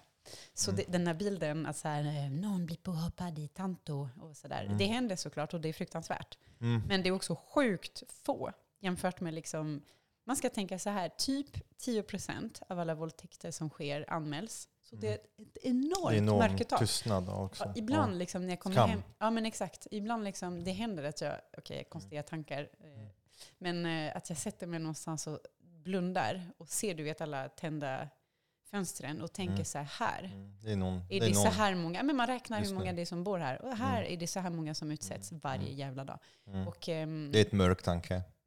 det, ja, men det, det, nej, men det är också mitt sätt att känna är så här, tills, tills det. Verklighet. förankring. Ja, men det, jag blir inte deppig av det, utan jag blir Nej, så här, peppad. det är min bränsle. Jag tänker så här, Mm. tills det, att det ser ut så, så måste vi kämpa. Mm. Så att fatta, för att komma tillbaka till det, efter det där hemska fallet i Umeå, så eh, tänkte det här gänget att de skulle göra en kampanj för att uppmärksamma att det här var sjukt och försöka få någon form av förändring. Så de ehm, fick in jättemånga vittnesmål från kvinnor som hade blivit utsatta för, på olika sätt och, skrev, eftersom de var artister, är artister, bland annat Syster Sol, Cleo Misawi, om du känner Mhm. till dem. Mhm. De skrev en låt som heter Fatta. Och det släpptes samtidigt som de släppte en debattartikel som en kampanj. Liksom. Och det fick jättemycket respons, stort genomslag, så det blev också en förening. Okej. Eh, och, och sen liksom bedrev de opinionsbildning och 2018 så blev det då de facto en samtyckeslag. Mhm. Så de tyckte att det tog så himla lång tid för förändring, Mhm, men mhm. fem år Fem år. för att få igenom en sån grej, det är ingenting.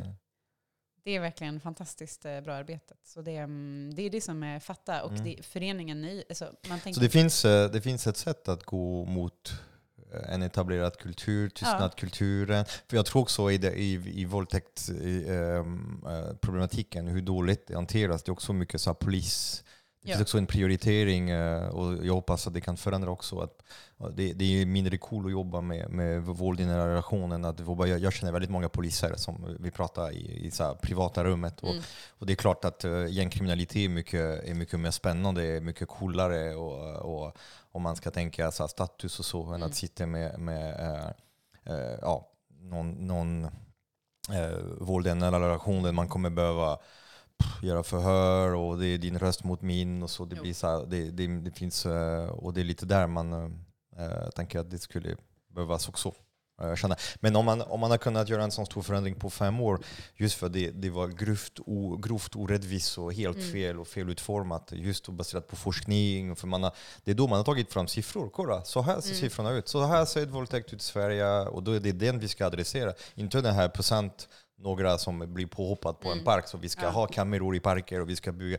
För det är det ofta man ser att man, man, man, man använder ju rädsla som motor för att Mm. driva förändring och det, man blir mindre rädd av det som sker i hemmet och så. Det, det, jag, tror att folk, och det, och jag tror det är samma sak med klimat, med biologisk mångfald. Alltså att eh, man, blir, man blir inte lika rädd av, som så innan om en fjäril försvinner eller Mm. om en är det samtidigt som att eh, eh, hela systemet bara skapar den problematiken. Och vi skulle kunna gans- ganska lätt skapa nya regelverk om, om alla började förstå.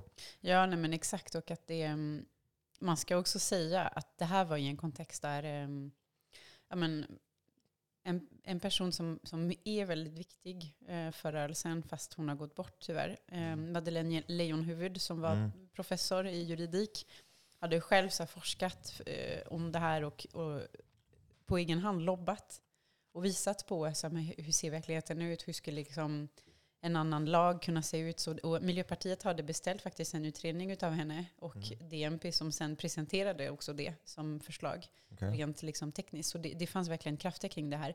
Mm. Men, och det är det som är intressant och parallellen med eh, kampen för miljö och klimat, vilka verktyg är det som når till folks, Mm. folks hjärtan? Det som var grejen med Fatta, som är grejen med Fatta, det är att- att det finns när Just, du vet så här, vad är det som är coolt och inte coolt att jobba med? Typ det är inte coolt att jobba med våld i nära relation när man är polis, jag kan förstå det. Men de där tjejerna, kvinnorna, är rapartister Mm. och gjorde något fantastiskt för att de skapade något apcoolt Mm. eh, av någonting som är annars så här kvinnoproblem, kvinnor, Mm. det är inte kvinnoproblem, det är samhällsproblem. Och- Ja, och att det, det som hände då upplever jag, det är att ett helt, en hel generation sa vi vill inte ha det så. Vi vill Mm. inte bli vuxna i en sån värld. Vi vill göra Mm. något annat. Och det är det Mm. som händer med, Ja. jag tänker så här, Jag tror att killar också vill vara med i det. jo, Killar det- också ja, vill, det, vill, inte vara, vill inte vara betraktat. Var det din telefon? det var min telefon. det är ingen fara. Nej, men, och det- jag tror att det är det som är lösningen på något sätt. Att man säger, typ nu när em, den här regeringen liksom tog bort miljödepartementet, att Greenpeace Mm. liksom Tog tog, med sig Jag, vet, skylten. jag har haft den här är, skylten också. Ja, men liksom, den är ambulerande och att... em, Mm. ja, men varför, varför gjorde de det? de, Jag tror det var symboliskt för att säga att det lever vidare. Det lever Mm. Men varför, varför tog de Miljöpartiet, det? Nej, därför- miljödepartement? Miljödepartementet, därför att i... Var den inte viktig? Nej, men jag tror så här, det är ju också symboliskt att man har i debatten inför valet, ja men um, Alliansen och SD har liksom lyckats tyvärr med sin agenda om att reducera miljö och klimatfrågorna till bara klimat och klimat Mm. har man reducerat till kärnkraft. Mm. Och då var det också liksom, Problemlöst, check. ja men lite så, och då Mm. ett sätt att signalera med all önskad tydlighet att Mm. vi menar det precis på det sättet var att man liksom Vi gör vad vi säger. det finns fortfarande folk som jobbar med, med miljöfrågorna, men de existerar inte längre som eget departement. Nej. Det är klimat och in, infra, eh, infrastruktur. Liksom. Mm.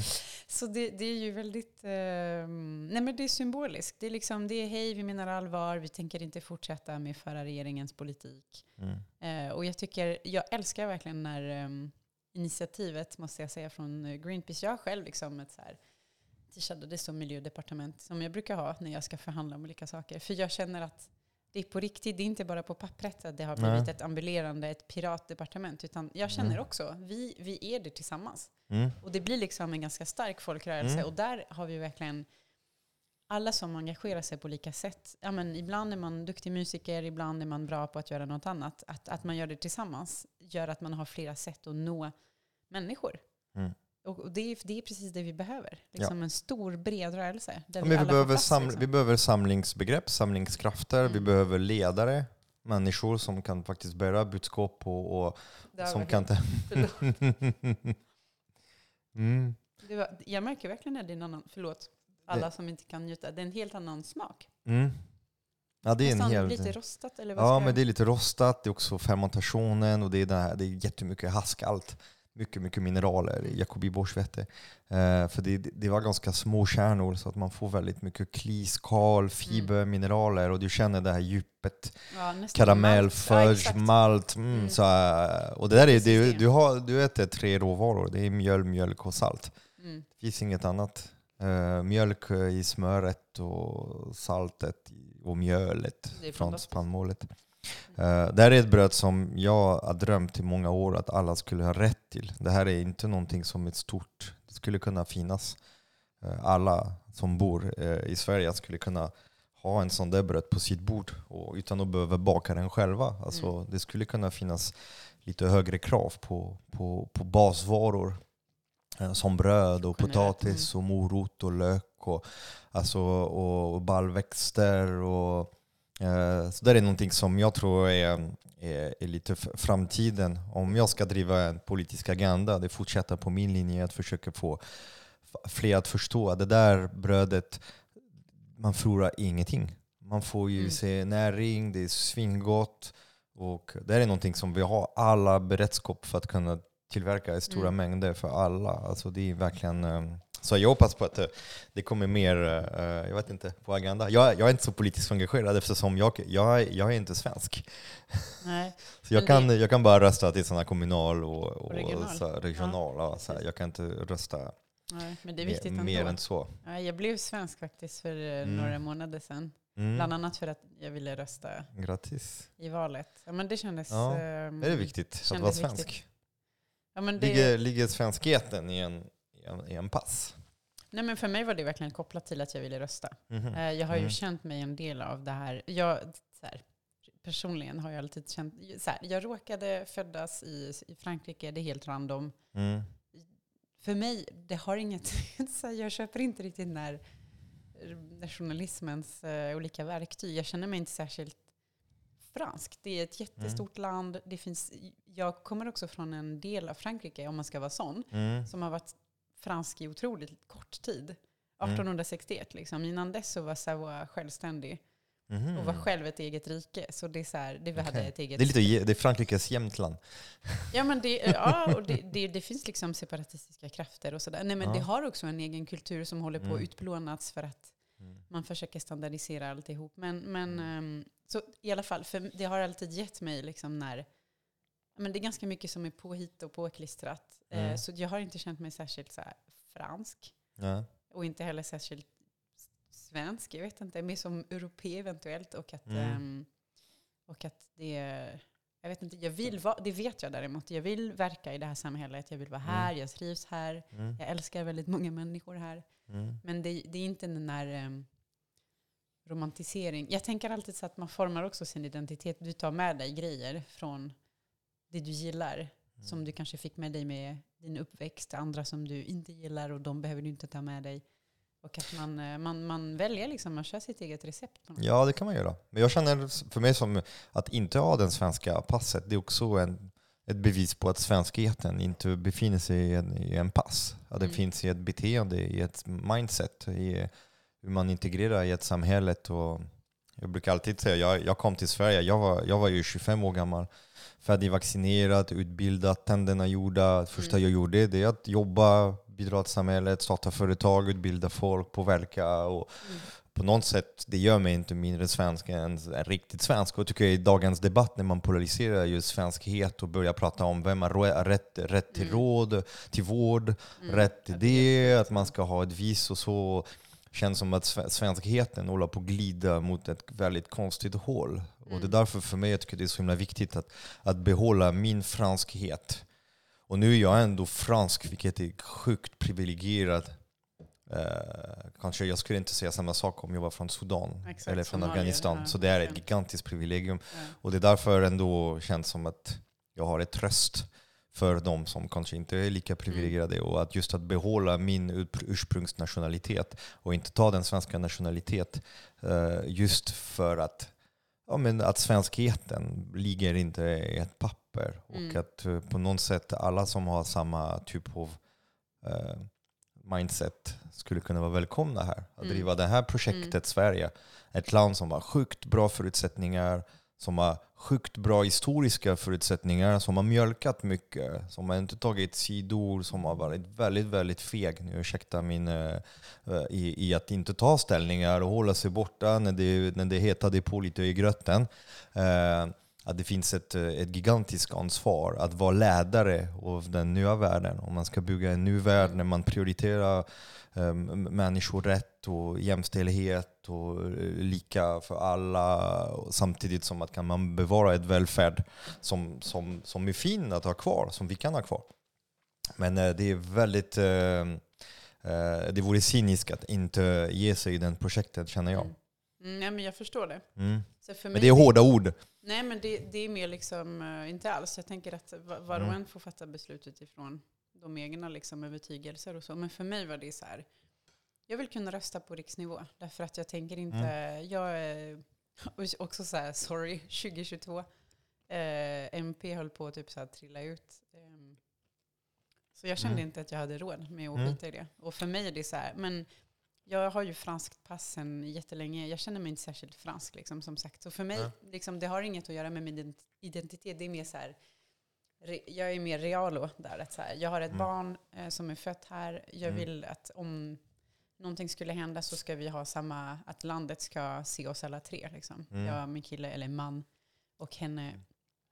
Och att ehm, jag vill kunna rösta. Jag vill Mm. kunna rösta. Jag vill kräva det. Liksom, För mig är det mer så här att jag ska synliggöras eftersom jag är här och verkar. Det är som du, jag började med att jobba. Liksom. Mm. Det är först Mm. nu som jag kan casha in lite eftersom jag har ett barn. Mm. Det är ju en bra investering. Då får man väldigt mycket Ja. tjänster tillbaka verkligen. Men Verkligen. Det, mm, nej, men det, och det är ju det är ett fantastiskt land. Jag tänkte på det idag faktiskt, apropå hållbarhet. Vi har så mycket som är, vi har så mycket grundstenar. Om du tänker på just så barnomsorg och Mm. liksom hur man ändå försöker kombinera olika aspekter av livet, både så familj och, eh, och jobb och allt annat. Och att, att man som förälder kan ta hand om sitt barn länge därför att det finns Mm. föräldraförsäkring och att det ändå det finns en annan, liksom, ett annat intresse för icke-våld. Också i, Mm. gentemot barn och liksom hur man ser på dem. Det, finns, det är väldigt... Där tycker jag faktiskt att den, den kultur som råder i Sverige är, det, det är en otroligt viktig förutsättning för att komma framåt Mm. och tänka liksom hela vägen ut. Eh, liksom inte bara så här, du ska bara jobba, inget annat är viktigt. Eh, utan det är ett viktigt steg. Så jag tror absolut, för mig var det mer så, så här, jag vill kunna bestämma också. Jag vill Mhm. kunna säga mitt. Mm. Jag känner mig varken mer eller mindre svensk. Liksom. Jag, jag är ganska stockholmare till att börja med. Mm, Det är inte så poppis. Ja. Eh, vad, vad är som är het med eh, Miljöpartiet nu? Vad ser du framöver? Är det någonting som är spännande som är på gång? EU-valet. Det är några, några profiler som kliva ut lite från skuggan. Mm. EU-valet är det som Mm. När, när är det? största. Det är sjätte, mm, sjätte till åttonde juni. Om, jag Mhm. inte, Mhm. om jag inte helt är ute och cyklar. Så det är juni nästa år? Nästa år. Och då är det vad, vad är det för val då?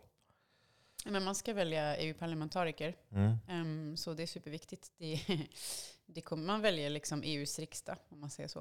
Eh, Mm. Och det är otroligt viktigt eh, att det blir en bra dynamik därför att EU är så himla tongivande i omställningen. Mm.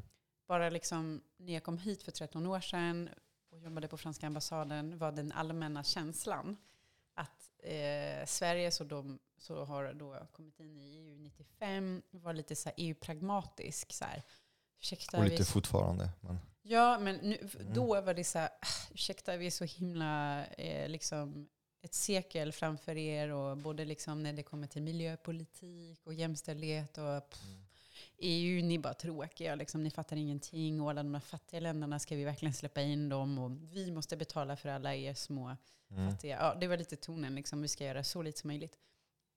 Och sen blev det ändå så att det kommer så mycket bra lagstiftning från EUs sida för miljöskydd, mot Mm. farliga kemikalier, det där Mm. med restaurering av natur exempelvis. Det är fantastiskt. Det är bara, Ekocidlagen. Nej men exakt, det kommer, jag Mm. jobbar som sagt i en kommun och det, vi får allt på remiss liksom från EU. Och det, alltså man vill gråta ibland av lycka. Mm. Att så här, sånt man har eh, bara drömt om, Mm. bara kommer. Då Men alla, det kommer mer bra saker från EU nu än från våra egna Nej, men regeringar. Precis, och det är det jag vill komma till. att så här, nu, nu är det så här, ja men förut så tänkte vi att EU är en grej som belastar oss. Det gör att vi, vi blir mer tröga. Nu är det så här, EU är ett golv som gör att vi inte kan sjunka igenom. Mm. Som gör att vi inte kan abdikera från våra klimatmål, från våra liksom Mm. humanitära eh, mål. Så det, jag känner att EU är vårt...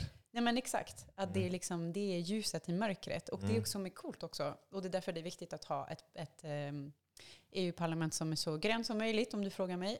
Mm. Därför att annars så, eh, ja, men det är det som är, som är bra. När man kan jobba med så här många länder samtidigt så händer det saker. Det är Mm. också den största rika region liksom i världen. Så det är klart att om vi kan visa vägen i omställningen så Mm. kommer också fler länder och Mm. regioner att följa med. Mm. Gör vi inte det så vet jag faktiskt inte.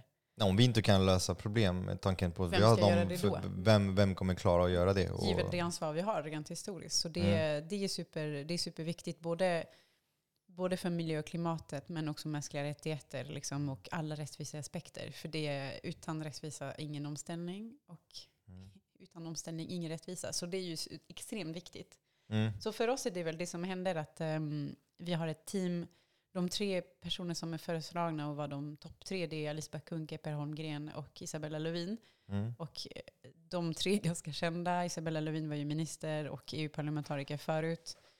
Det, Alice är ju, har varit minister, är sittande EU-parlamentariker och Per Holmgren eh, är ju känd som meteorolog för SVT sen innan och är otroligt eh, duktig EU-parlamentariker han med. Så det är Mhm. ganska tungt lag liksom, Mhm. Som eh, är väldigt kompetenta. Så det, Men är det klokt att skicka dem till Strasbourg och Bryssel istället för att ha dem kvar här och, och jobba för Miljöpartiet hemma? Här? Ja. Nej men de, till att börja med så vill de ju jobba. Eh, de, vill, de vill vara kvar i EU. Så det är deras... Eh, och de är, EU är ganska komplicerat. Det, är Mm. ju, det tar tid liksom att sätta sig i frågorna och sådär. Och man ser också, det är det som är lite häftigt med EU-parlamentariker, alltså EU-parlamentet. Det är inte riktigt som i Sverige, att så här, du har olika partier och du vet på förhand hur Mm. de kommer rösta. Det kommer alltid vara majoriteten som får igenom sina grejer och oppositionen får igenom ingenting. Mm. I eh, EU-parlamentet är det så här, det, det fluktuerar. Det beror på om hur du som parlamentariker som, som driver ett förslag, om du lyckas bilda allianser och få igenom ditt projekt så, så blir det så. Vilket gör att det också är mer flexibelt Det är egentligen. mindre partikonflikter, alltså. Ja, det är mer det, skapar, målinriktat. det, det skapar fler möjligheter helt enkelt Okej. att få igenom progressiva eh, grejer. Och, ehm, de, de tre personer är bevisligen personer som har varit bra på att förhandla igenom saker, eh, skapa acceptans för eh, progressiva projekt, gröna projekt. Så det är ju, och, och de har ju pondus liksom. Mm. De har ju, Isabella Lövin är den som har fått liksom, lagstiftningen att och bli eh, ändamålsenligt om, om haven. Liksom, och, liksom, som har fått de flesta att förstå att trålning var en fett dålig grej. Nej, men Mm. det, och eh, Alice Bah Kuhnke är en superviktig röst när det kommer till antirasism liksom, och solidaritet och eh, ja, men, humanitära insatser. Vår skyldighet Mm. när det kommer till att ta emot folk och Mm. mycket, mycket annat. Ehm, så det är ju, de, de är ju stjärnor. Det är viktigt att vi har bra människor där. Mm. För det är en sån viktig arena. Sen, det finns ju, vi har ju jättemånga bra politiker och det finns andra som vill verka på hemmaplan här. Så det är ju, Mm. det är ju klokt tror jag, att ha ett tungt, eh, kompetent team i Mm. Bryssel. För de behövs verkligen väldigt mycket. Får jag ställa en dum fråga? Ja, det finns inga sådana har jag lärt mig. Ja, vem är Stockholms borgmästare? Det finns ingen borgmästare. Det finns ingen borgmästare så, utan vi har eh, den som är mayor, liksom Le maire, le maire de Stockholm. La maire de Det, Stockholm. det är finansborgarrådet. Hon heter Karin Vangård, Socialdemokraterna. Finansborgarråd. Mhm. Men det är precis i, när man är i internationella sammanhang så är det hon mayor. Så hon tar en det här gul och blåa bandet Nej. runt. Jag vet, Nej. att, jag vet att din pappa är borgmästare. Ja, precis. Nej, Så han, att, han sån. Nej, men det gör man inte i Sverige. Utan det som nej. är intressant... Är det så med alla städer? I Ja, Göteborg ju eh, borgmästare, Malmö, Sundsvall, Det ser Växjö. faktiskt lite olika ut. För det som är i de flesta kommuner så är det personen som är ordförande för kommunfullmäktige Mm. eller kommunstyrelsen som, som är liksom the boss. Eh, Mhm. Men i, i, Stockholm, i Stockholm funkar mer som, om du tänker riksdagen versus regeringen. Mm. Karin Vangård är då chef för regeringen. Och personen som är ordförande för, för parlamentet, då, kommunfullmäktige, har mer eh, representativa funktioner, tar emot Mhm. delegationer och sådär. Men Karin och de personer som också är borgarråd med henne är den som är exekutiv. Som Mhm. bestämmer liksom dagligdags. Mhm. Så det är lite mer, det är så man ska tänka. Hon är boss för regeringen på lokal nivå. Och eh, det ser lite olika ut i olika, Karin Vangård. Karin Vangård. Ja, det gör jag.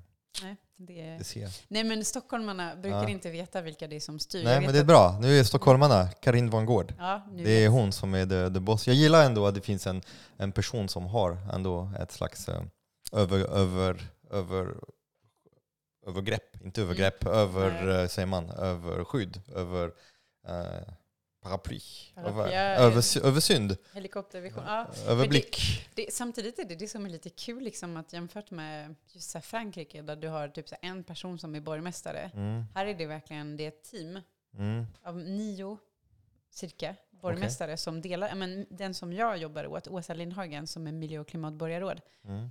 hon är då på engelska vice mayor. Men hon är, hon är vald av folket. Vem, Absolut. vem har valt henne? Ja, men hon, eh, man brukar sitta i kommunfullmäktige. Mhm. Eh, just hon gör inte faktiskt det. Alltså det, är en, det är en lång historia. Eh, men de, de flesta... så här, för att bli borgarråd Ja. måste du faktiskt inte sitta i kommunfullmäktige. På samma sätt som att du inte måste vara, sitta i riksdagen för att bli minister. Det är inget krav. Mhm. Okej. Nej, men de flesta gör ju det.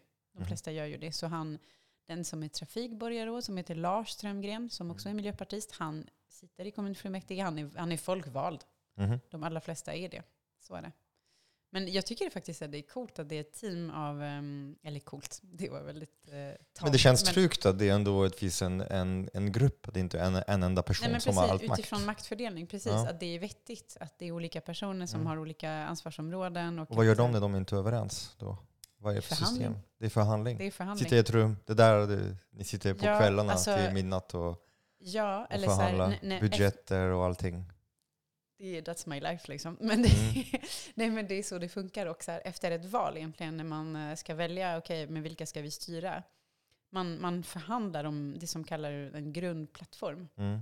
Så man förhandlar om sakpolitik. Ett projekt liksom. Men det är inte så att man bara, okej, nu ska vi bestämma vilka titlar vi ska ha, utan man för, förhandlar om grunden. Vad ska, ska vi driva igenom?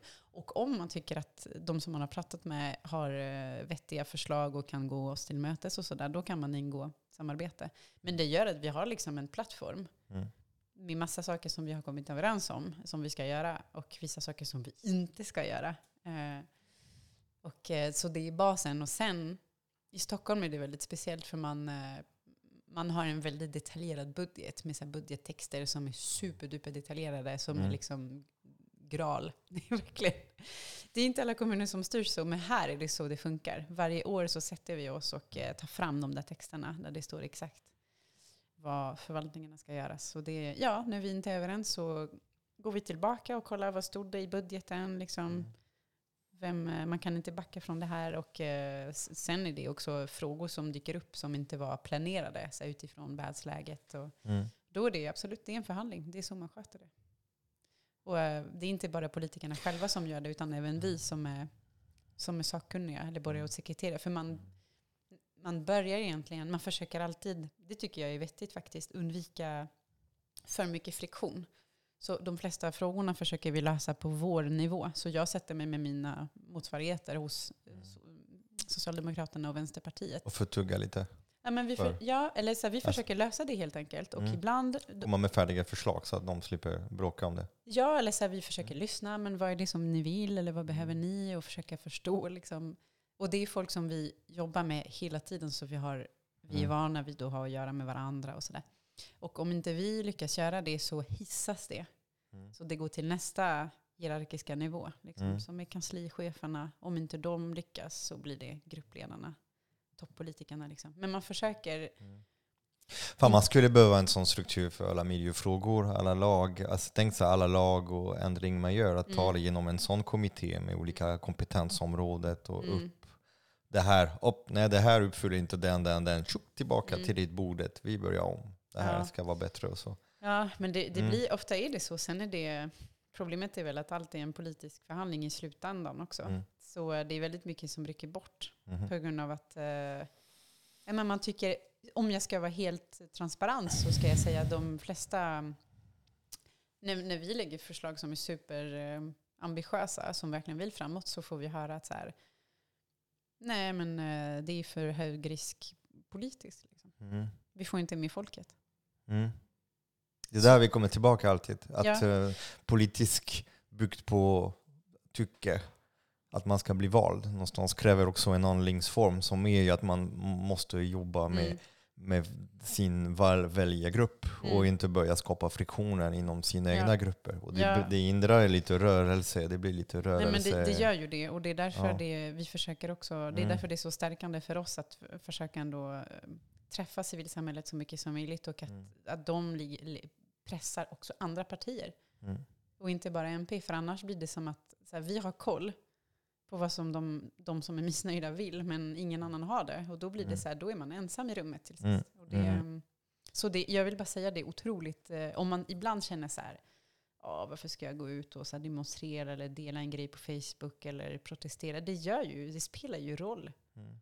För om man uppfattar att det finns stöd för det, Det är så, markörer för samhället. Ja, men, ja, och för oss är det så här, men kolla, folk Mm. vill ju det. De vill inte gå och jobba, de vill ha förändring nu. Mm. Liksom. Sluta dalta. Det, det sa jag med skolmaten, att skolmaten blev plötsligt en, en viktig grej. Mm. Och, och plötsligt blev politikerna intresserade och det kom fram på debatterna att uh, offentlig måltid är väldigt viktigt. Och, Mm. eh, N- så när att, hände det tycker du? Alltså, ah, alltså det hände 2013, 14 det började röra på sig tycker jag. Där. hände då? Eh, ja, men det blev så här, föräldrar och stora röster och, och med profiler och, och, och sen det blev lite kommuner, alltså kockar och det, det, det blev ju en liten... ehm, eh, och sen det här med, med alltså, räkning, beräkningsmetoder. Man Mm. kunde börja räkna, så att kunna mäta saker. Jag tror det är otroligt viktigt. För när man inte kan mäta, då kan man alltid ställa saker bredvid varandra och säga ja, men vi gör det här istället för det här. Ja, men om du gör det här, det är fyra gånger värre. Haha, okej. Jag, Mm. jag tror att mäta, eh, tror, även om det är pisstråkigt att behöva göra de där beräkningar och så, men det är så himla viktigt för det är det som gör att eh, ja, men det där brödet, den väger så mycket mindre eh, i klimatpåverkan kontra näring än ett industri mm. som säljs på ICA Coop. Eh, och plötsligt är det, alltså det är inte två gånger bättre, det är 40 gånger bättre. Mm. Och du blir så här, okej, Mm. okej, betyder att jag kan äta en sån för 40 av den Ja. här. Plötsligt ge en, en, en perspektiv som man kan Mm. mäta. Det är, ehm, och det är väldigt svårt ju i politik. Det är så mycket miljarder, det är så mycket långsiktiga, kortsiktiga makt, höger, vänster. Det är så komplexa. Jag tror det är väldigt många som känner sig bortkopplade. Samma sak med matsystemet. Man Mm. blir bortkopplad från matsystemet för att fan, den här uh, baconen, eh, det är så många pff, insatser från så många olika platser så att man orkar inte. Och sen hamnar den på på, på butikshylla. Och sen, den känns billigt och den är salt och gott och så är det. Men, eh, men jag tror att det är fler och fler som vill bort från från det som börjar också vakna. Det finns en uppvakning som, Mm. som känns tydligare. Och inte minst ju, jag ser till exempel, ni, ni som lyssnar, alltså det finns eh, det växer. Det är fler och fler som lyssnar, det är fler och fler som är intresserade. Det är jättemånga som hör av, av, av, av sig och skriver och just så reagerar över några om, och, och, över gästerna. Eh, ni som har hoppat in där, som kanske kommer in och lyssnar första avsnitt, eh, gå tillbaka till första säsongen. För där finns det ju 12 avsnitt med olika experter i olika områden. Vi pratar lite med mat, lite mindre politik. Även om vi, eh, vi gjorde det med mat i munnen. Eh, Vi gjorde det med bröd, bröd i munnen. Och, och, och mat är politik. Mat är politik. Ja. Och politik behöver mat. För jag, jag råkade hamna på, på, på den där lilla ön när, när regeringen sitter Mm. eh, och fick komma upp på den lilla café där uppe. Där. Okej. Herregud, vilket skam att våra tävlingshästar eh, får inte bättre mat än så. tycker jag är skandalöst. Alltså, Hur ska, hur ska ni ha bra koncentrationsförmåga och hålla blodsocker högt och massa skit och skräp och halvfabrikat och, Mm. och socker och uh. Ja, Alltså det, där, ni borde ha världens finaste litet bageri-restaurang där uppe med folk som lagar mat på massa näring så ni orkar Mm. sitta till de där sena kvällarna. Ehm, men det där är en annan, eh, en annan är en historia. annan. Men, eller hur? Alltså det borde finnas... Ja, Ni, ni borde få det bästa för att ni ska kunna ju prestera och... Och vi och andra egentligen. Alltså det, Ja, måste det- du ta en matlåda till jobbet när man jobbar på Stadshuset där det serveras Nobelmiddag? Känns så... Ah, Mm, Men just Stadshuset är faktiskt eh, mindre dåligt än riksdagen. okej. Där finns det i alla fall, de är kravcertifierade tre stjärnor där Mhm. nere och Mhm. jobbar, det, det är i alla fall kvalitet. Men jag Ja. tar i alla fall matlåda för det är god mat som jag lagar. Det, det, det, det. Men ja. riksdagen är mycket värre, jag håller med. Ja, riksdag är katastrof. Café, men det är, precis, så det är ju det är Eh, slass. Ja, det är så, så, så och Fatsa, jag kommer inte ihåg vad det var. Det är någon, för det är ju upphandlat också. Ja, det, Det finns absolut. så här tjockkontrakt där, så Mm. vem som får sälja det här Mm. eh, skiten till våra politiker. Eh, det, är många, det är många jag har pratat med som har, som har sagt till mig, snälla Nej, kan du hjälpa oss? Kan vi få, kan vi få ditt Jag bröd vet. där? Men min kille jobbar ju där. Han, tycker, Ja. han eh, förstår inte de som äter där. faktiskt. Nej, Nej. Nej. men han, det ja, precis de skäl. Mm, Det mm, är mm. dyrt, det är inte gott. Det ser bedrövligt ut. Ja. Liksom. Det är, varför Ja, men jag tittade lite på innehållsförteckning. Jag frågade på lite innehållsförteckning Mm. och det var så här, pff, oj oj oj. Liksom. Mm. Eh, nej. Nej, men Det det är är, så bra. tråkigt, för det är precis som du säger, man skulle kunna tänka så här. Det är ändå väldigt många delegation. Man hade kunnat använda det som skylt, så här, fönster. Mm. Titta här vad vi har för coola fina råvaror i Sverige. Och, Ja, men jag vet inte om jag ska gå på operationsbordet och bli opererad. Jag vill att läkare som opererar mig ska inte vara bl- lågblodsocker. Och, och, alltså ska, eller hur? Det är Ja, exakt samma sak. Ni sitter och opererar vårt samhällets system och, och, och det är så viktigt. Så att, uh, upprop här, om det är någon som lyssnar. Eh, måste göra någonting åt det också, Ja, även om det inte är lä- längst upp på listan. Det borde ju vara, det borde vara ja, men någonting schysst ställe som fixar kärleksmat där uppe med näring och bra. Är det någonting som du, vi har inte pratat som du, du vill tillägga, som du känner att eh, du vill få ut i världen? Nej, men jag vill ändå säga på något sätt att ehm, även om det känns deppigt med politiken liksom ibland och att eh, man kan tappa, så här, tappa vad ska man säga, entusiasmen eller känna så här, Mm. vad, vad, är det ens en mening att engagera sig? Jag vill verkligen upprepa att det är det betyder någonting. Just det faktum att du engagerar dig och protesterar, säger vad du tycker, engagerar dig både antingen i en rörelse eller politisk. Det spelar, det, det spelar roll. Mm. Och att så här, även om man tycker att systemet inte är perfekt idag, det är det verkligen inte, så behöver man, vi behöver folk som vill förändra inifrån, för annars är det bara tokskallar på riktigt. Mm. Här, men låt oss... Ja, de är redo, Nej, tokskalarna. men det, det är det som är grejen. Tänk så här, om inte du gör det, det, du behöver inte göra det hela ditt liv och du behöver inte bara göra det. Man kan också göra en insats några år och sen göra något annat. Det är bra Mm. liksom. Men om inte vi som är någorlunda kloka och vill väl gör det så kommer det alltid vara eh, tokstollar som kommer vara redo att göra det. Så jag vill bara liksom uppmuntra. Och tänk inte heller att så här, ja, men jag har inte så mycket tid, jag vet inte så mycket. Även små insatser spelar roll. Så att alla kan bidra. Liksom. Jag vill Mm. väl skicka med lite hopp om att det spelar roll. Och att det, det behövs. Mm. Tack Cindy. Tack Sebastian. Det var jättekul att få Det var kul att prata svenska med prata varandra. svenska i, i två, två och en halv timmar. Eh, tack för att ni lyssnar eller titta på Youtube. Uh, glöm inte att kommentera, skicka en liten like. Det blir, blir jag glad. Tänker att uh, det ändå betyder inte så jättemycket bara så här en liten sån klick. Men det är klart att det, det gör att det känns ja, men lite roligt att ni sitter. Jag vet att ni är många som lyssnar. Uh, ett bra bröd, uh, det är också viktigt. Och uh, kulturspannmål, de är här för att stanna. Så att vi ses nästa vecka. Hej då.